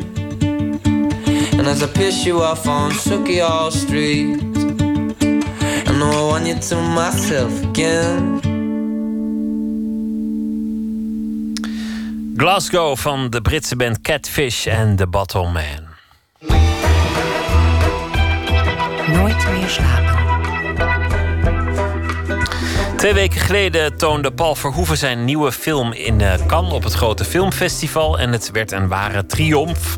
L is de titel, een duistere, geestige thriller over een vrouw die moet leren omgaan met de nasleep van verkrachting. Volgens veel critici had de film de Gouden Palm moeten winnen. De nieuwste film van Verhoeven met Isabel Huppert in de hoofdrol is vanaf donderdag te zien in de bioscoop. En Floortje Smit spreekt met Verhoeven. Als regisseur Paul Verhoeven helemaal eerlijk is, had hij zich voor de première in Cannes al een beetje schrap gezet. Feministes, zo vermoedde hij, zouden nog wel eens problemen kunnen hebben met zijn nieuwste film L. Omdat juist al de Amerikaanse actrices die wij benaderden het niet wilden doen vanwege de, de moraliteit van de film. En ze waren allemaal zeer veroordelend, hè? echt heel negatief over dit, doe dit doen we absoluut niet, hoe durf je het bijna in te sturen. Dat is blijven hangen natuurlijk, die, die reactie. En ehm, dus ik dacht dat we eigenlijk een, iets gemaakt hadden dat dan provocerend zou zijn voor vrouwen. Maar zijn verkrachtingscomedy, zoals L al snel genoemd werd, werd door werkelijk iedereen omarmd. Ja, tot mijn verbazing zou ik zeggen. Kritisch heb ik nog nooit zulke eh, kritieken gehad. Nee, echt universeel eigenlijk goed. Ja, en soms zeer, zeer goed. Nee, dat is echt uniek. Het verhaal, gebaseerd op het boek O van de Franse schrijver Philippe Dijon, is ergens wel duister en pervers. Het gaat over Michel. Qu'est-ce que tu fous là, toi Aan het begin van de film wordt ze bruut verkracht in eigen huis. Michel gedraagt zich niet als een doorsnee verkrachtingsslachtoffer in hun film. Salut. Ça va toi Ça va C'est quoi J'ai fait une chute à vélo. Ze huilt niet, belt geen politie, maar veegt de scherven bijeen en gaat in bad. Ze weigert eigenlijk om, om, om te accepteren dat ze een slachtoffer is geweest. Ze, ze wil niet dat dat haar leven beïnvloedt. Ze wil niet dat dat eh, een grip op haar krijgt. Ze wil daar doorheen breken of er overheen stappen. Il était accroupi dans les buissons en train d'observer votre maison. Et vous avez vu son visage Non, il portait un masque ou une espèce de cagoule de ski. Zonder al te veel te willen verklappen, is het opmerkelijke verwerkingsproces dat volgt waarschijnlijk wat veel Amerikaanse actrices te ver ging. Dat het publiek het wel massaal slikt, ligt aan de actrice die het wel wilde spelen. Isabelle Huppert. Ik denk dat hij de film wat dat betreft beschermt... doordat je eigenlijk toch... Met, je kijkt misschien met enige verbazing naar haar... en je kan haar beslissingen misschien niet altijd volgen... maar op een of andere manier voel je wel dat ze authentiek zijn. Dus, dus, dit- dus die provocatie valt weg... door de aanwezigheid van een topactrice die in het verhaal gelooft. Over de, het genre, waar, of in het hokje waar die eh, nu in geplaatst is. Een verkrachtingscomedie. Dat klopt eigenlijk natuurlijk voor geen meter. Dat is een totale onzin. Ja, dat is een verkrachting, dat is absoluut waar. En er zitten ook komische momenten in, maar die liggen niet op hetzelfde punt. Hè? Dat zijn verschillende soorten scènes. Maar de film heeft inderdaad, ba- naast alle, alle donkere eh, dingen en, de, en, en het- zwarte eigenlijk van, van natuurlijk eh, geweld tegen vrouwen, de heeft het natuurlijk een laag hier en daar van een soort lichtheid. En, en, maar die, hebben, die zijn eigenlijk helemaal niet, hebben niks met elkaar te maken. Nee, nee. Ja, het is een Amerikaanse manier om iets kort samen te vatten, volgens mij. En en denken ze, dat, dat ziet er ook leuk uit. Ja, ja hoe is dat op het idee komen? De- eh, Maar dit, het, ligt, het ligt ontzettend gevoelig, rape. Ehm, Ja, en, nou, terecht. en heel veel eh, recensenten zie ik ook daar heel erg mee worstelen... dat ze het dus ook grappig vonden. Ja. En dat er ook verkrachting... Dus er zitten heel veel van die woorden in dat je denkt... oh, je probeert jezelf ook een beetje in te dekken. Ja, dat zal ik wel. Ja, omdat ze eigenlijk misschien wel in hun hart vinden... dat je die dingen niet in dezelfde film kan hebben. Ja, maar ik vind van wel, want het leven is, dat is het leven toch? Zo is het toch? Ik bedoel, een verkrachting gebeurt hier en een andere in een café zitten te lachen en de dingen gebeuren gewoon tegelijkertijd, nietwaar? Dus ik, ik bedoel, gelijkertijd en bijna in dezelfde omgeving. Dus ik denk dat het een realistisch uh, portret is van het leven. De balans is, is uiterst moeilijk om te vinden. Heb je daar zelf ook mee geworsteld? Nee, helemaal niet. Nee, daar heb ik nooit over nagedacht zelfs. Ik bedoel, nu we praten erover en er is in de kritiek wordt erover gepraat natuurlijk. Maar ik heb er eigenlijk nooit over nagedacht. Ik denk dat is het verhaal dit. Dit gebeurt. En dit is, dit is, uh, hier is een moment uh, dat zo is. En de andere keer is dat. Maar het is, het is natuurlijk een film die heen en weer springt tussen thrillerachtige aspecten en sociale, sociale relaties, nietwaar? En die zijn met elkaar verbonden, maar ook niet altijd. Het is ongewoon om die twee dingen misschien in één film naast elkaar te plaatsen. Ik las ook een review waar iemand zei: ja, maar had moeten kiezen of voor dit, of zeg maar, dus of de, de, de verkrachtingen en alle, alles wat daarmee te maken heeft. Of had moeten praten over, over die sociale contacten. Ik vind het interessante van de film dat dat, dat niet zo is. Ik denk het nieuwe van de film is dat het beide daar is. En dat het niet uh, zegt, uh, niet in, in dit genre of dat genre is. Het eigenlijk genreloos. Ik vond dat juist een. Dat heeft me gewoon aangetrokken. Maar ik heb echt nooit gedacht van. beweeg ik me eigenlijk op gevaarlijk terrein? Of zoiets. Of moet ik oppassen? Of dit of dat. Ik heb gewoon gedacht. Nou, dat vind ik leuk. Dat vind ik interessant. Dat vind ik spannend. Dat vind ik gevaarlijk. Het is eng geweld. Nou, het geweld wordt. Eh, het, wordt, het, wordt, is niet geweldloze seks. Hè? Het, is echt, het is echt geweld, geweld, geweld. En ik denk, ja, dat is dat. Is dat. En dit is het ook waar. Dit zijn dingen die, die eigenlijk in dit milieu gebeuren beide. Maar die scène bijvoorbeeld aan die, uh, aan die tafel, ze hebben dat dinertje met die vrienden, zij vertelt het en hij laat net die fles champagne komen en dan zegt hij, ah, wacht nog even vijf ja, minuutjes. Nou, ja. Ik moest daar dus om lachen. Ja, dat is ook komisch bedoeld natuurlijk. Die interferentie van die man, die, net als ze zeggen, zeg ik ben verkracht en iedereen zegt, wat? En dat die man zei, hier is de champagne, meneer. Ja, maar, was, dat, ja, maar het is ook om dat te breken eigenlijk, dat moment. Het is ook om, om, om eigenlijk een, een stijl, iets te houden... dat je niet in de, in de duisternis wordt getrokken. Dat er eigenlijk ook, ook, ook een mogelijkheid is om, het, om... dat er ook andere dingen omheen gebeuren... die, die eigenlijk bijna uh, loodrecht hierop staan. Naast spannend en geestig is El ook een intrigerend onderzoek naar de relatie tussen seks en macht. Iets dat regelmatig terugkomt in de films van Verhoeven. Het is dat, denk ik, waarom zijn films met een vrouw in de hoofdrol altijd zoveel losmaken. Van El tot zijn commerciële succes Basic Instinct. I picked him up and I had sex with him. You didn't feel anything for him, you just had sex with him for your book. In the beginning. Then I got to like what he did for me tot het verguisde showgirls. If someone gets in your way, step on them. It's not fair. It's not about fair. It's about power. Bij Verhoeven zetten vrouwen hun seksualiteit schaamteloos in zonder zich daarvoor te verontschuldigen. Natuurlijk gebruiken ze hun seksualiteit. Maar dat doen mannen ook heel de tijd natuurlijk, nietwaar? Als ze iets willen met een vrouw. Dus ik geloof niet dat het, dat het eh, vrouwen en mannen daarin erg verschillend zijn. Het is meer dat bij mannen alles geaccepteerd is... en bij vrouwen bijna niks, nietwaar? Dat je daar eigenlijk niet mee aan kan komen. Maar natuurlijk, vind je in uh, Spetters... Is, is een totale opportuniste natuurlijk, nietwaar? Ik bedoel, die kijkt alleen maar uh, van, oh die jongen, en als dat misgaat, nou dan de volgende. En dan gaat het ook mis en dan eindigt ze nog, toch nog wel met iets dat een beetje beter is dan wat ze had. Dus het is een totale opportuniste natuurlijk, vind je. Maar, uh, en gebruikt haar seksualiteit ook. Maar ja, ik bedoel, ik ook. Snap je, snap je de, uh, want feministes vallen vaak over jouw film. Snap je dat of, of ben je be verkeerd begrepen? nou, laten we het laatste hopen, niet Maar of ik het snap, nou... Ja, want ik, ben, ik, ik, snap het niet helemaal. Want het kan niet waar zijn, omdat ik eigenlijk uh, ontzettend, uh, vrouwen ontzettend mag. En eigenlijk vrouwen heel hoog stel. En altijd het gevoel heb dat die in vele opzichten superieur zijn. Dus ik weet eigenlijk nooit waar ze het zo over hebben, wat ik dan verkeerd doe. Want ik bedoel, zo zie ik het eigenlijk. Het is niet zo dat het is zeker niet een, uh, zeker nooit een reductie van, van vrouwen. Het is meer accepteren. Als je dan accepteert dat vrouwen op, de, op, op, op gelijkwaardig niveau, niveau zijn, totaal, dan moet je ook niet bang zijn om daar de negativiteit van te, te laten zien. Het feit dat ik die, basically, uh, wat je dan dit opportunisme zou willen noemen, het feit dat ik dat gebruik, betekent eigenlijk dat ik ze als, als mens gelijkwaardig vind want ik doe precies hetzelfde. Ja, dus verder. Nee, helemaal begrepen heb ik het nooit. Trouwens, trouwens bij uh, Basic Instinct waren alle feministen, een hele hoop feministen in, Amerika vonden fantastisch dat die vrouw dat allemaal deed en er nog mee wegkwam ook, nietwaar? Ik bedoel, ze heeft de hele zaak in handen. Eh, Michael Douglas is, uh, wordt gereduceerd. Zij triomfeert in alle opzichten. Nou, dat vonden heel veel feministen vonden dat fantastisch. Het merkwaardige is dat om precies dezelfde redenen Verhoeven Showgirls in 1995 werd neergezabeld.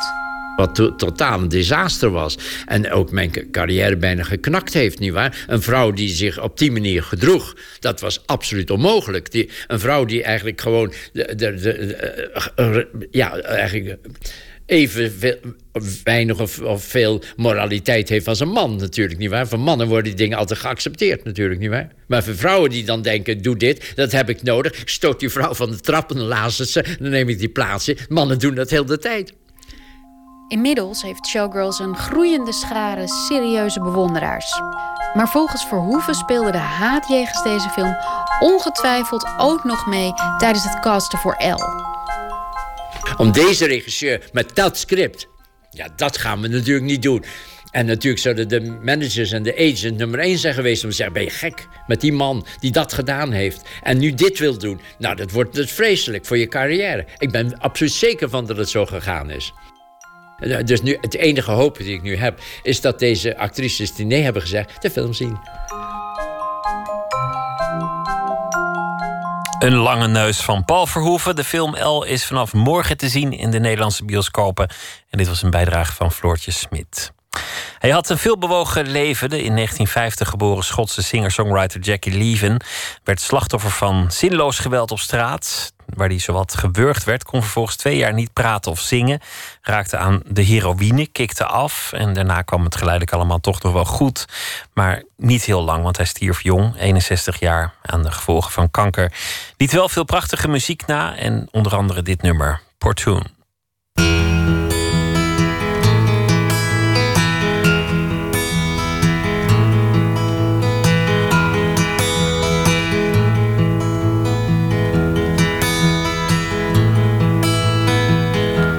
I come from Portland, where the river leaving runs.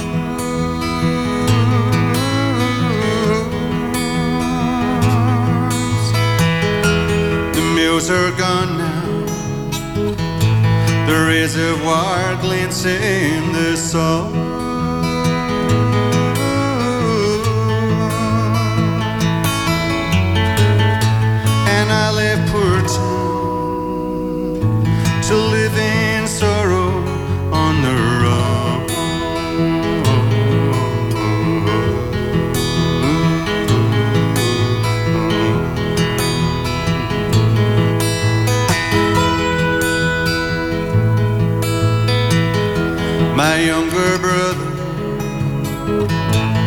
Died from taking heroin.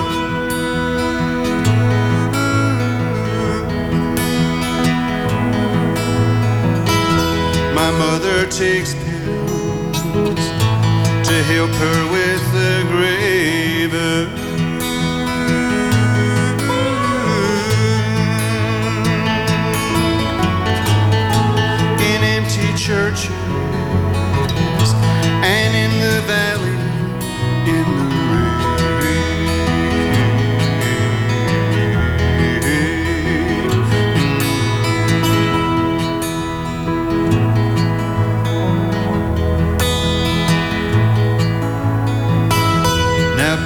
see me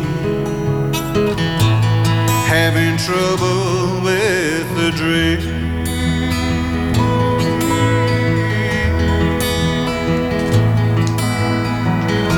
Like friends from childhood, I feel my courage slowly sink.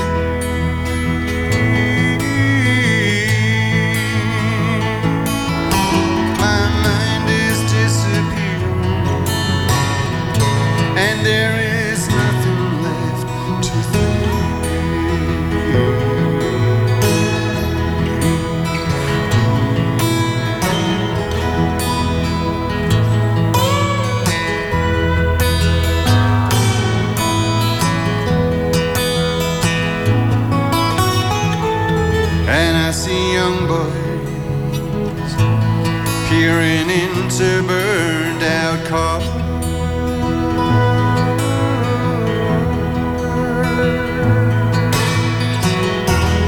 Chimes of anger.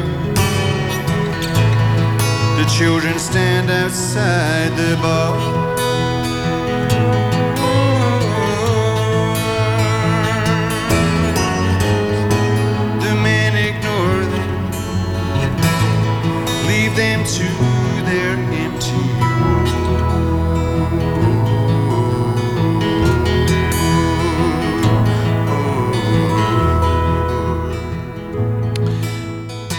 Uit 1997 Jackie Leven met Portoon van het album Fairy Tales for Hard Man. Open kaart. Een bak staat voor me met 150 kaarten erop. Op elke kaart staat een vraag. En elke vraag kan getrokken worden door degene die eh, te gast is. En zo zal de wil- willekeur eh, mede het gesprek bepalen. Ronald Snijders is de gast. Hij heeft eh, vele dingen gedaan in zijn leven. Eén daarvan was een absurd radioprogramma, Binnenland 1. Het moest lijken op een gewoon radioprogramma, maar dan nam het zijn eigen loop en gebeurden er gekke dingen. En dan vanaf vrijdag is dat weer te horen tijdens het hoorspel half uur op deze zender. Welkom, Ronald Snijders. Ja, dankjewel. Het risico is nu natuurlijk als wij gaan praten over het radioprogramma, dat we precies in alle clichés trappen die jullie nou net zo leuk proberen onder de loep te nemen. Ja, dat is zeer wel mogelijk, ja. Ik zit nu te denken van, ehm, want ik zei nu dankjewel. Zei ik dat eigenlijk? Ik weet dat niet eens meer. Ja, volgens mij wel. Ja, eh, hartelijk welkom, zei je. Dankjewel. Eh maar dat, wat wij bijvoorbeeld deden, was dat iemand dan zei dankjewel. En dan zei ja, mag ik je eerst eh, welkom heten? Ja, natuurlijk. Hartelijk welkom. Ja, dankjewel. Dus dat je daar al, dat het Dat, je daar, dat, misgaat. het, dat het daar al ontspoort Ja. en misgaat. Ja, ja. Dat Radio was- is natuurlijk ook een prachtig medium om in die zin onder de loep te nemen, omdat je te maken hebt met vrij hardnekkige clichés. Dat, Ja. dat is één ding, maar ook omdat het vooral over gesproken woord gaat. En het tussen mensen, hoe, hoezeer ze ook in een functie zitten of hoezeer ze ook met iets heel concreets bezig zijn, dat loopt toch altijd stroef. Of vaak stroef. Nou ja, je kunt ook zeggen dat, dat je het allemaal wel, allemaal wel slikt. Dat eigenlijk dat je het eh, als behang gewoon over je heen laat komen. Je denkt, ah, ja, ook, ja, heb ik ook, ja, snap, weet je wel. Eh, dus, maar als je dus eh, beter gaat luisteren of dat gaat ontleden van wat, wat, wat voor taal wordt hier nou eigenlijk gesproken, of wat, zijn nou, wat is nou eigenlijk de toon? Wa- Waarom praten verslaggevers altijd op een bepaalde manier? Als, je, als, ik, als ik op een bepaalde manier zou gaan praten. Eh, dan zou je kunnen zeggen dat er al meteen een, eh, sprake is van een verslag. Weet je wel? De, de, ehm, eh, dus dat vind ik ook heel erg interessant. Dus niet alleen de teksten, maar ook de manier waarop. De manier van spreken, bepaalde woorden gebruiken alsof woorden niet een keuze zijn. Alsof je daarmee niet al een hele richting geeft aan wat je zegt. Omdat ze clichés zijn geworden. Lijkt het een soort, soort lege hulsen die je kunt afvuren naar eigen goeddunken. Laten we luisteren naar een, een fragment. Dan krijgen we meteen door waar het over gaat. Zojuist is bekend geworden dat de NS stoppen met het vervoeren van reizigers. Het is opmerkelijk nieuws. Het stond net op, de, op nu.nl. We hebben nu al de president-directeur Egon Steenwijk van de NS aan de telefoon. Goedemorgen. Goedemiddag. Ja, u zit natuurlijk in Utrecht. U stopt met reizigersvervoer. Klopt, we zijn er klaar mee. Wij wij snappen er niks van. Het nieuws is echt ingeslagen als een bom hier. Ja, Ja? Legt u eens uit, wat is het verhaal? ja. Nee, nee, zonder gekheid. Eh, kijk, we spelen natuurlijk al langer met de gedachte om er maar voor eens en voor altijd een streep onder het hele gedoe te zetten. Maar uw verbazing verbaast mij dan weer. U moet dit met z'n allen toch al een tijdje hebben zien aankomen. Ik zou zeggen dat we de afgelopen 10, 15 jaar toch al aardig wat signalen hebben gegeven dat wij er geen zin meer in hebben. Dat we er geen zin meer in hebben? Ja. Ja, leg uit. Nou, wij vervoeren al zo'n 70 jaar reizigers van station A naar B. Ja. En eh, nou, dan zou je denken dat zo langzamerhand iedereen wel op de plaats van bestemming zou zijn. Maar dat gaat maar door. Ja. Voor ons voelt het de hele tijd als dweilen met de kraan open. Motiveert niet. Bovendien, wij zetten mensen af op een station. En dat is nooit echt waar ze willen zijn. Oh nee? Nee, kijk, je zet mensen af op het station... en vervolgens pakken zij de fiets of de bus... om daar zo snel mogelijk weer weg te komen. Dus eh, dat is, lijkt mij, toch ook een indicatie... dat we ergens hebben wij eh, gefaald. Maar u heeft, u heeft nooit gekeken of wellicht eh, het product kon worden aangepast? Ja, natuurlijk. Ja? We hebben met vertragingen... eh, werkzaamheden aan het spoor getracht... toch zoveel mogelijk mensen zo lang mogelijk op die stations te houden. Ja. Maar dan zijn er steeds toch weer bussen en ander vervoer dat wel werkt. Waarmee ze zich eh, uit de voeten maken. Ze willen er gewoon echt niet. Dit had gisteren gemaakt kunnen zijn, want eh gezeur over de NS dat is van alle tijden. Dat, dat zal ook nooit anders zijn. Tot, tot er een echt nieuw vervoermiddel komt en dan zal daar gezeur over zijn. Ja. Wat zou er veranderd zijn? Wa- Wat zou er in de radioclichés ten opzichte van het moment dat jullie het maakten anders zijn? Eh, nou, ik denk dat het media wel iets sneller is geworden. En dat er ook heel veel interactie wordt gesuggereerd. Dus eh, ja, ja, Twitter is natuurlijk een, eh, een, een, een, een, veel geciteerd medium eh, ineens. Dat het veel belangrijker is ge- gemaakt. Ja, dat is eigenlijk ook raar hè? dat ze dan op de radio voorlezen wat er op Twitter gebeurt. Terwijl je eigenlijk zou willen dat iedereen op Twitter zegt wat ze op de radio hebben gehoord. Ja, het is, ja het, is, het is gewoon vulling. Dat is het vaak. En ook van nieuws wat, wat we net hebben gezegd. Vijf minuten geleden. En ik zeg het nu nog een keer. Na, na vijf minuten nog een keer in de samenvatting daarvan. Eh, dan komt het weer terug als een quizje. Dan komt het, weer als, het, het, het wordt allemaal een beetje opgeklooid. Maar er wordt eigenlijk een soort drie balletjes die worden opgehouden eigenlijk. Maar het zijn dezelfde balletjes. Dat was vroeger denk ik wel wat, wat, wat, wat, wat meer uitgesmeerd.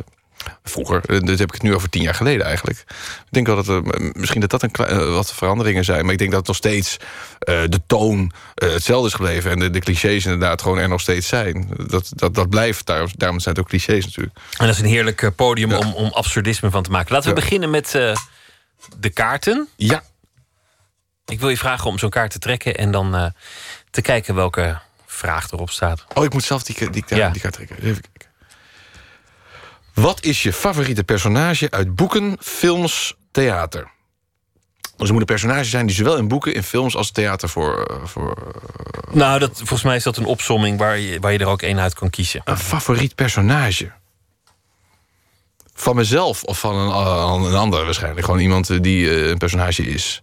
Ja, wie, wie vind je een mooi personage die je ooit in een boek bent tegengekomen of in een film of een, eh, Ehm, een eh, ja, ik zit eigenlijk... Sherlock Holmes of zo, weet ik het. Ja, nee, ik denk eigenlijk... Het, eigenlijk het eerste wat me opkomt is, is best wel Faulty in Faulty Towers. Omdat dat echt een, een personage is wat zo goed in elkaar zit... en waar je zo in meeleeft, wat zo eh, absurd is en gefrustreerd is. En, eh, eh, Ja, daar kan ik me alles bij voorstellen. Ja. Omdat je ook van absurdisme houdt en, en miscommunicatie. Ja. En, en daar zijn natuurlijk de, de grootmeester in om dat uit te beelden. Ja, en Cleese was ook in die tijd was die bijna dat. Hij is toen heel veel in therapie gegaan... waardoor hij eigenlijk steeds normaler begon te worden... en eigenlijk steeds minder paste bij dit, de, de, de gefrustreerde woede... eh, die best wel Volti had eh, met zijn met zijn- met zijn- met zijn met zijn hotel... waarbij de gasten eigenlijk alleen maar, alleen maar in de weg liepen. Dat was niet de bedoeling dat die gasten daar waren. Dat was ook zo goed daaraan. Maar ehm, dat, dat, zou, eh, dat, is, dat was een heel goed personage. Ook goed is natuurlijk David Brent... van eh, Ricky Gervais en The Office. Dat is ook een geweldige... Ja, ik zit een beetje in, in komische... eh, Ja, maar dat is, ook, dingen dat is jouw hoek ook. Ja, ja. En absurde, absurde humor, dan is Monty Python natuurlijk echt een, een, een iconisch programma geweest. Ja. Ik heb bijna het idee, het is niet helemaal waar... maar dat het daar ook echt, wij spreken, mee begonnen... is dat zij het hebben uitgevonden. Het is niet helemaal waar, Spike Milligan was daarvoor... de Goons had je nog daarvoor. Maar eigenlijk, in, ja, hoe ik het heb ervaren... was, was Monty Python het enige eh, echt volledig absurde programma... wat toen op televisie was. Dus toen herhaald, toen ik 12 was bij de VPRO. En toen werd ik in een wereld gezogen... en een humor die ik eigenlijk helemaal niet kende. En dat vond ik zo goed. Maar die hebben ook alles gedaan met die humor. Die hebben 40 uitzendingen gemaakt. En daar zit ook alles in. Daar zijn ze ook van alle kanten hebben ze bekeken. Hebben ze een paar films gemaakt. En dan was het ook klaar eigenlijk. En ook hun eigen programma stelselmatig laten onderbreken door de BBC. En dan dat de omroepers een huwelijkscrisis gaat verhalen. Dus de derde wand, zo je, zo je wilt, die werd ook stelselmatig doorbroken. Om, om te spelen met dat medium televisie, wat nog relatief nieuw was. Klopt, ja. ja. De- gewoon dat, dat, dat wereldbolletje wat de BBC toen had... als, als soort uh, ankerpunt waar ze keer weer terugkwamen... dat, deden zij, ja, dat gebruikten zij ook. Ja, dat deden wij eigenlijk ook bij Binnenland 1. Inderdaad, dat je gewoon eh, de stem... Ja, de- de- de- het ergste wat we bij Binnenland 1 hebben ge- gedaan... Dat, daar zijn we eigenlijk te ver gegaan. Dus dat we op een gegeven moment eh, de memorial, de memorial uitzending... van Paul McCartney ha- hadden eh, gemaakt. Dus, ja, we krijgen zojuist hier het eh, bericht dat eh, Paul McCartney eh, is overleden... eh, 44 jaar geleden bij een auto-ongeluk. We gaan erover praten. Het nieuws is heel vers. Maar dus we zeiden al, hij is 44 jaar geleden overleden. Dat was in die tijd eh, er was namelijk de, de mythe dat, dat Paul McCartney Ja, ja. overleden zou zijn. En, en, en nou, ja, dat is dus iemand die een Wikipedia-pagina gewoon verkeerd heeft gecheckt van de redactie. Die volgens door. Oké, we moeten nu een uitzending gaan vullen. En toen hebben we dus een half uur lang hebben we dus eh, ja, Paul McCartney herdacht. Ja, dat was, dat, toen zijn we daarin wel te ver gegaan. Dat was toen echt met de telefoons wat rood gloeiend. Heel veel mensen hebben opgezegd. En dat was, nou, dat- was eigenlijk expliciet nog gezegd door de VPRO toen. Je mag niet een soort Orson Welles, een soort War of the Worlds gaan doen. Wat mensen er echt in gaan trappen. Hebben we toen eigenlijk wel gedaan. Maar het, eh, het ging er eigenlijk vooral over dat, dat, dat, dat mensen die eigenlijk geen weet hebben van wie Paul McCartney is, bij zo spreken. Eh, dat die een uitzending moeten gaan vullen. Dus allemaal plaatjes waar George Harrison te horen was. En, en, John Lennon en, en, en, en, en, en Ringo Starr, maar niet Paul McCartney.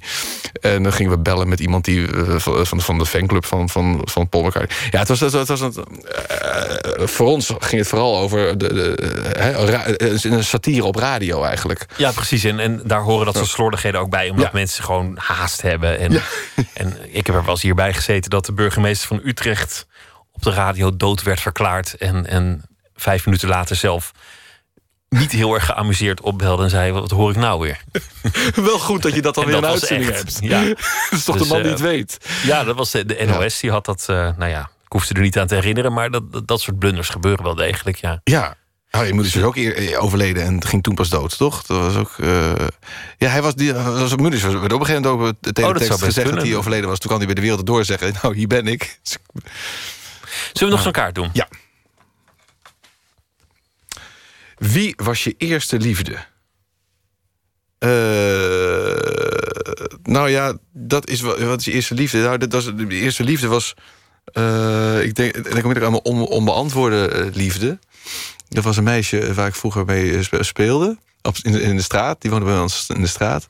En die was op een gegeven moment verhuisd. En die vond ik weer toen ik 15 was. En dat was, ik was helemaal in de puberteit. Was, ik- toen was ik echt verliefd op haar geworden. En dat heb ik haar nooit eh, durven vertellen. Want het was, ik was volledig onzeker. Eh, en dat is eigenlijk zo gebleven. En toen ik in 2013 dus met de alfabetweter een, een boekje kwam... wat vaak op televisie was. Dus ik, zat ik op een gegeven moment dus bij eh, eh, Opium. Nee, eh, nee, kunststof, kunststofradio. En toen kreeg ik ineens eh, een reactie van haar. Uit het niets. En toen heb ik dus eigenlijk, eigenlijk toen pas verklaard van... ja, ik was eigenlijk eh, verliefd op je. Eh, dat, dat, moet, dat, moet, dat is dus eigenlijk de eerste... Ik was, helemaal, ik was een jaar lang eigenlijk wel helemaal... eh, alleen met haar bezig. Oh, wat heerlijk. Ze had, ze had geen idee. Wat, wat een heerlijke romantiek. Ja. Laten we nog een kaart doen. Ja. Wat beschouw je als succes? Dat is een mooie vraag.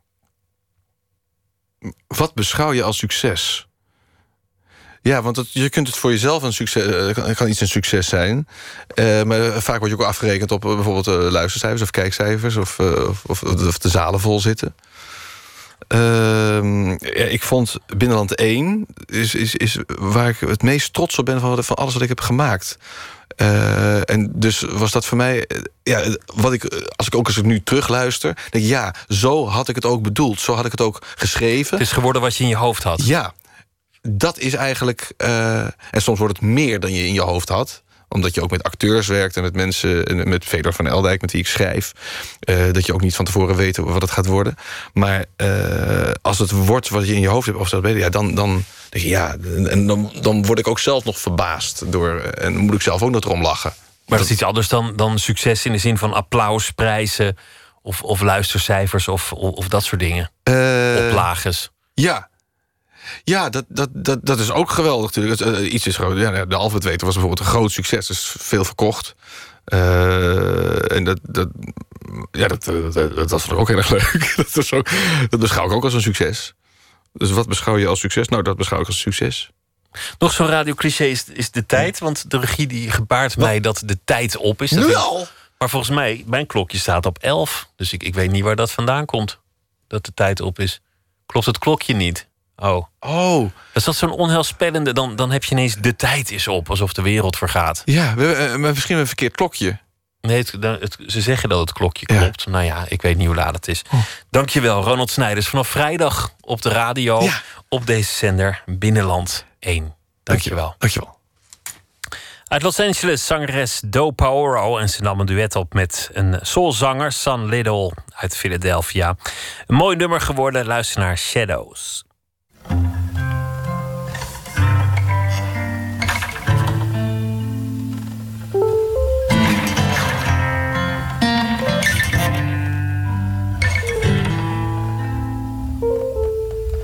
Got my feet on the ground in the place where the light is low.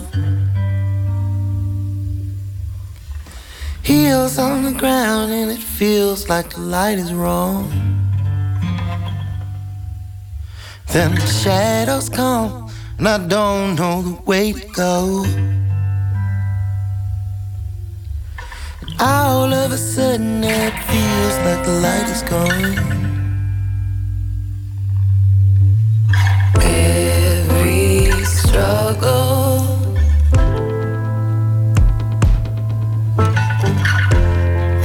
is its own kind of love.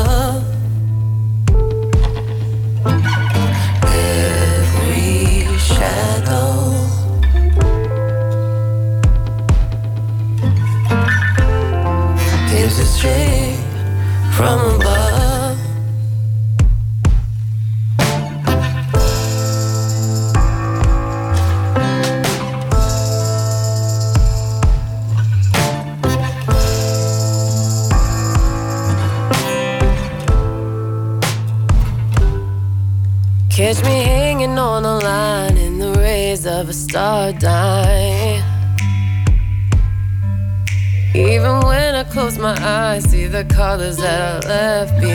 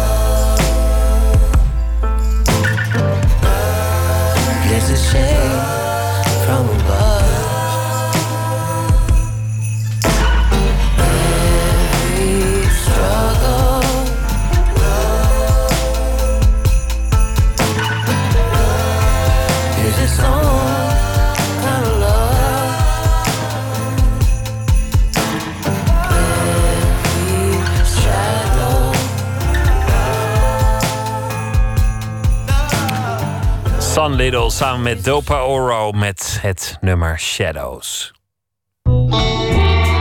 Nooit meer slapen. Vanmiddag opende de eerste editie van het Recreating Europe Festival. Drie dagen lang wordt aan de hand van theater, interviews en optredens van, door heel veel gasten uit alle hoeken van Europa onderzocht hoe kunst en de makers daarvan kunnen bijdragen aan de toekomst van Europa. De opening was dus, zoals gezegd, eh, vanavond. Nachtcorrespondent is Emmy Colau. Goedenacht, Emmy.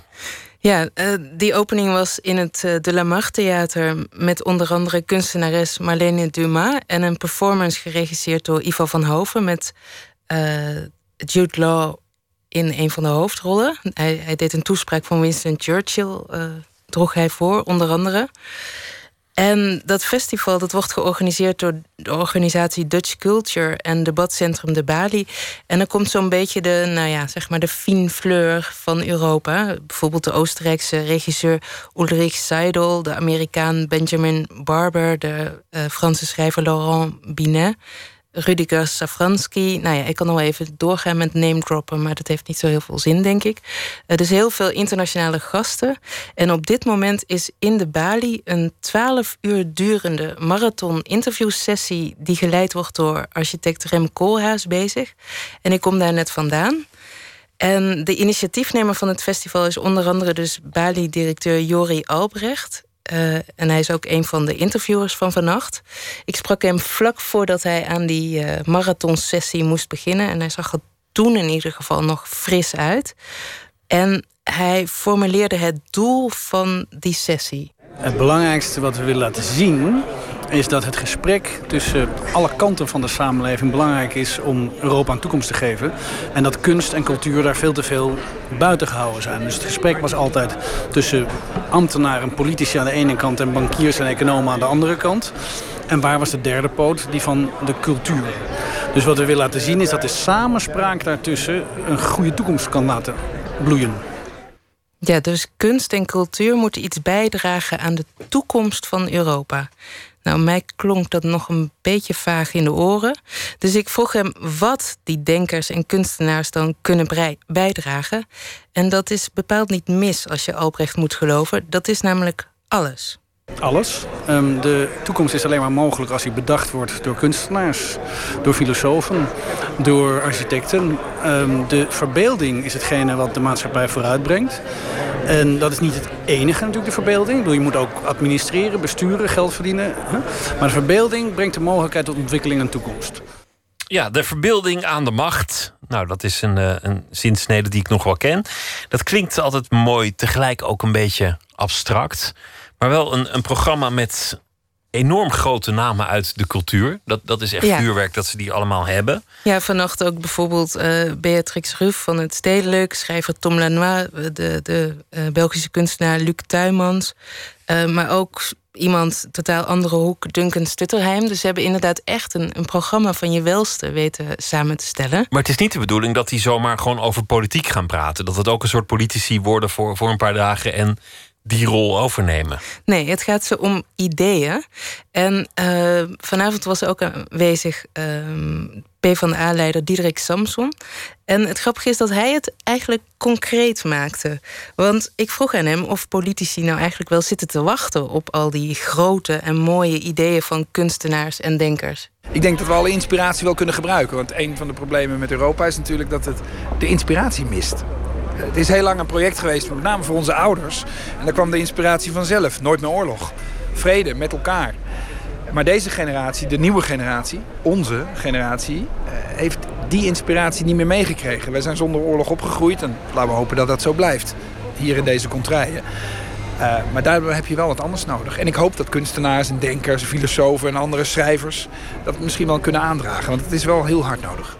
Ja, betekent dat dan ook dat politici dus eerder niet naar deze denkers luisterden, vroeg ik hem. Nee, Europa is vooral een, project van mensen met een heel hoog IQ en een laag EQ. Uh, daar zit Brussel vol mee en dat is ook belangrijk en het is nodig en het is ook uh, nou ja, nuttig. Maar er ontbreekt iets in Europa en dat is die inspiratie. Dus ik hoop uh, dat dat vanavond een klein stapje voorwaarts kan maken. Ja, er zijn genoeg voorbeelden in de geschiedenis waar kunstenaars en architecten zich uh, met de politiek gingen bemoeien die hele lelijke dingen opleverden. Maar daar hebben we het een andere Wat keer denk jij dan? nou ja, de, de, in, de, in de Tweede Wereldoorlog waren er een aantal bijvoorbeeld, oh. maar er, er, zijn meer.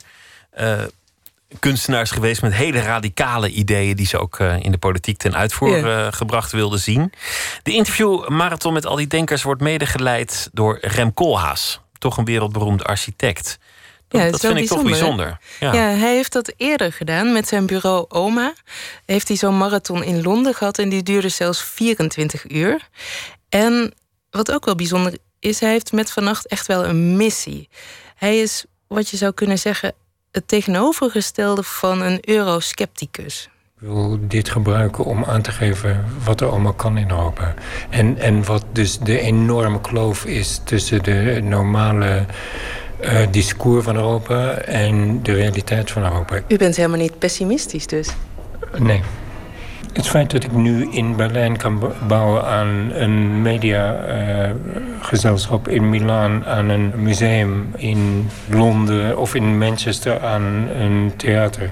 Dat zijn allemaal, denk ik, directe uitkomsten van de Europese Unie op alle manieren. Ja, hij draait dus eigenlijk het doel van het festival bijna om. Hij zegt. Je moet niet kijken naar wat wij kunstenaars en denkers allemaal wel niet bij kunnen dragen aan Europa. Maar moet je eens kijken wat Europa allemaal mogelijk maakt voor ons. Ja, toch nog even. Grote ideeën over Europa kunnen in theorie bijdragen aan Europa. Hoe moet je dat concretiseren? Ja, dat zat ik me steeds af te vragen. Van oké, allemaal heel mooi en aardig. Wat ik tot nu toe gehoord heb, want het duurt nog de hele nacht. Uh, maar hoe zit dat dan praktisch? Hoe, hoe sijpelen die ideeën door tot Brussel? En gelukkig was daar socioloog Abraham de Zwaan om mij gerust te stellen. Hij zei: uiteindelijk druppelen die ideeën door. Dat duurt vaak lang, maar opeens kunnen ze er zomaar zijn. Uh, je zou het kunnen zien bijvoorbeeld in een hele nieuwe gedachte dat dieren misschien ook lijden en dat we het moeten proberen zo veel mogelijk te vermijden. Dat is eigenlijk een heel nieuw idee. Maar het is ook een echt idee. Ja, dus het is een heel andere manier van denken die opeens dan normaal wordt. En dus doordringt tot de politiek. Ik vroeg hem ook of er dan politici zijn die nu gevoelig zijn voor die grote ideeën. En toen kwam hij aan met Bolkestein en Den Uil. Ja, dat vond ik dan weer een beetje jammer. En hij kon niemand bedenken die dat nu doet. Dus grote ideeën omzetten in praktische politiek. Recreating Europe, het festival drie dagen lang. En dat is dus uh, de komende dagen ook nog aan de gang. Emmy Colau, dank je wel. Goeienacht. De Britse zangeres Paloma Faith had nog een uh, cameo in de film van Paralo Sorrentino, de film Youth. Mooie film was dat. En nu is haar eigen liedje Can't Rely on You uh, zoals je dat zou moeten noemen, door een uh, Canadese, maar in Londen wonende artiest genaamd Son of Dave. We gaan luisteren naar zijn versie van Can't Rely on You.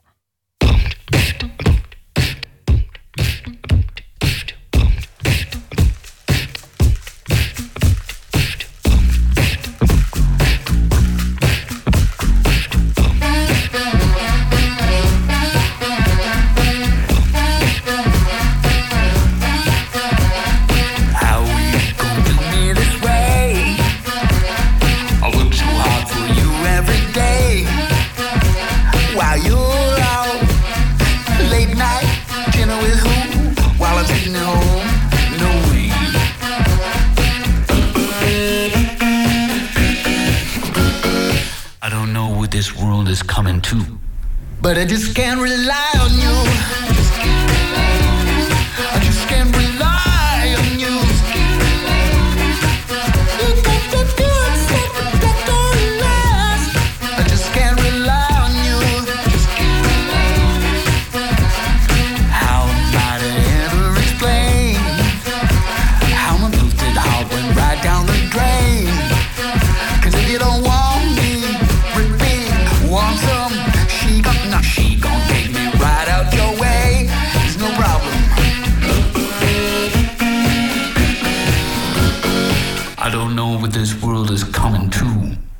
Just can't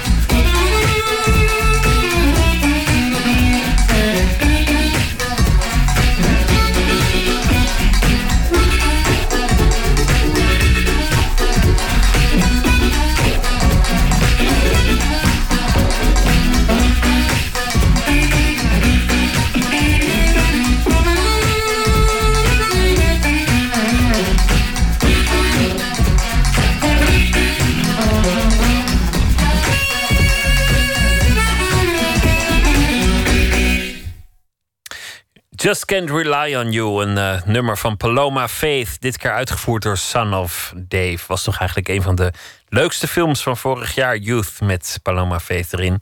Van Son of Dave is een, een nieuw album uh, te verschijnen. Het staat op verschijnen. Son of Dave plays 13 explosive hits. En dat is allemaal uh, van dit soort werk. Dus bekende liedjes van andere mensen. Voorzien van een mondharmonica. En met wat bluesbeatjes en een hip-hop uh, sausje eroverheen. En dan uh, nou ja, kan je ongeveer voorspellen wat het wordt. Het wordt vast een leuk album als je ervan houdt. Ingeborg Klarenberg, een jonge dichteres, is ook landschapsfotografe, aard- en milieuwetenschapper. Deze week zal ze poëzie uitkiezen en voordragen om u mee de nacht in te sturen. En het uh, gedicht dat ze nu heeft gekozen komt van Rutger Kopland.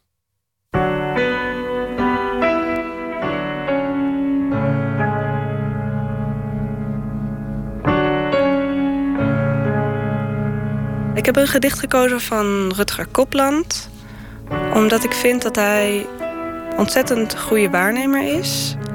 De manier waarop hij beschrijft wat hij ziet, uh, roept voor mij altijd hele heldere beelden op. En daar kan ik denk ik zelf ook nog heel veel van leren.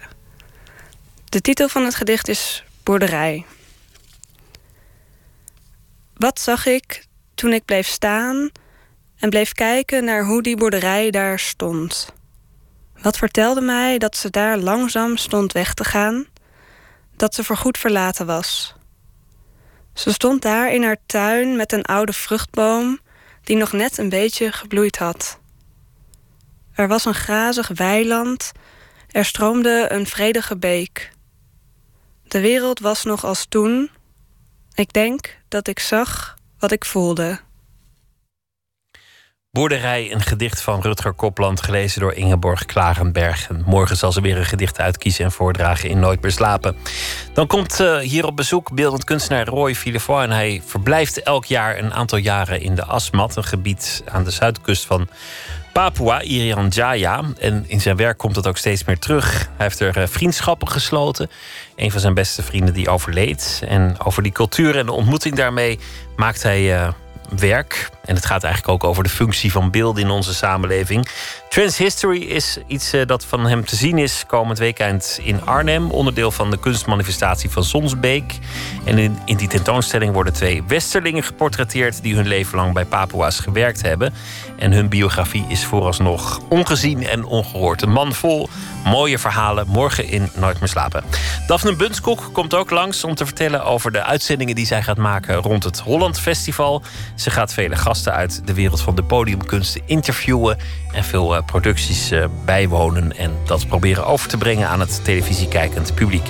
Dat allemaal morgen in Nooit meer slapen. En voor nu wens ik u een hele goede nacht en morgen een leuke dag en graag weer tot morgen.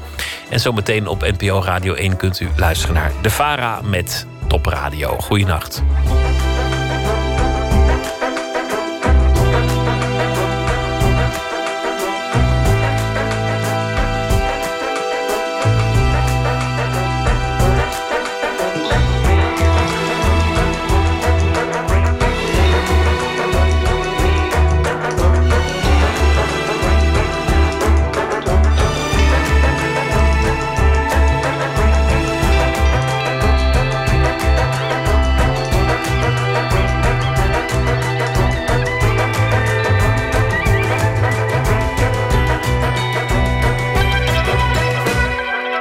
Radio 1. Het nieuws van alle kanten.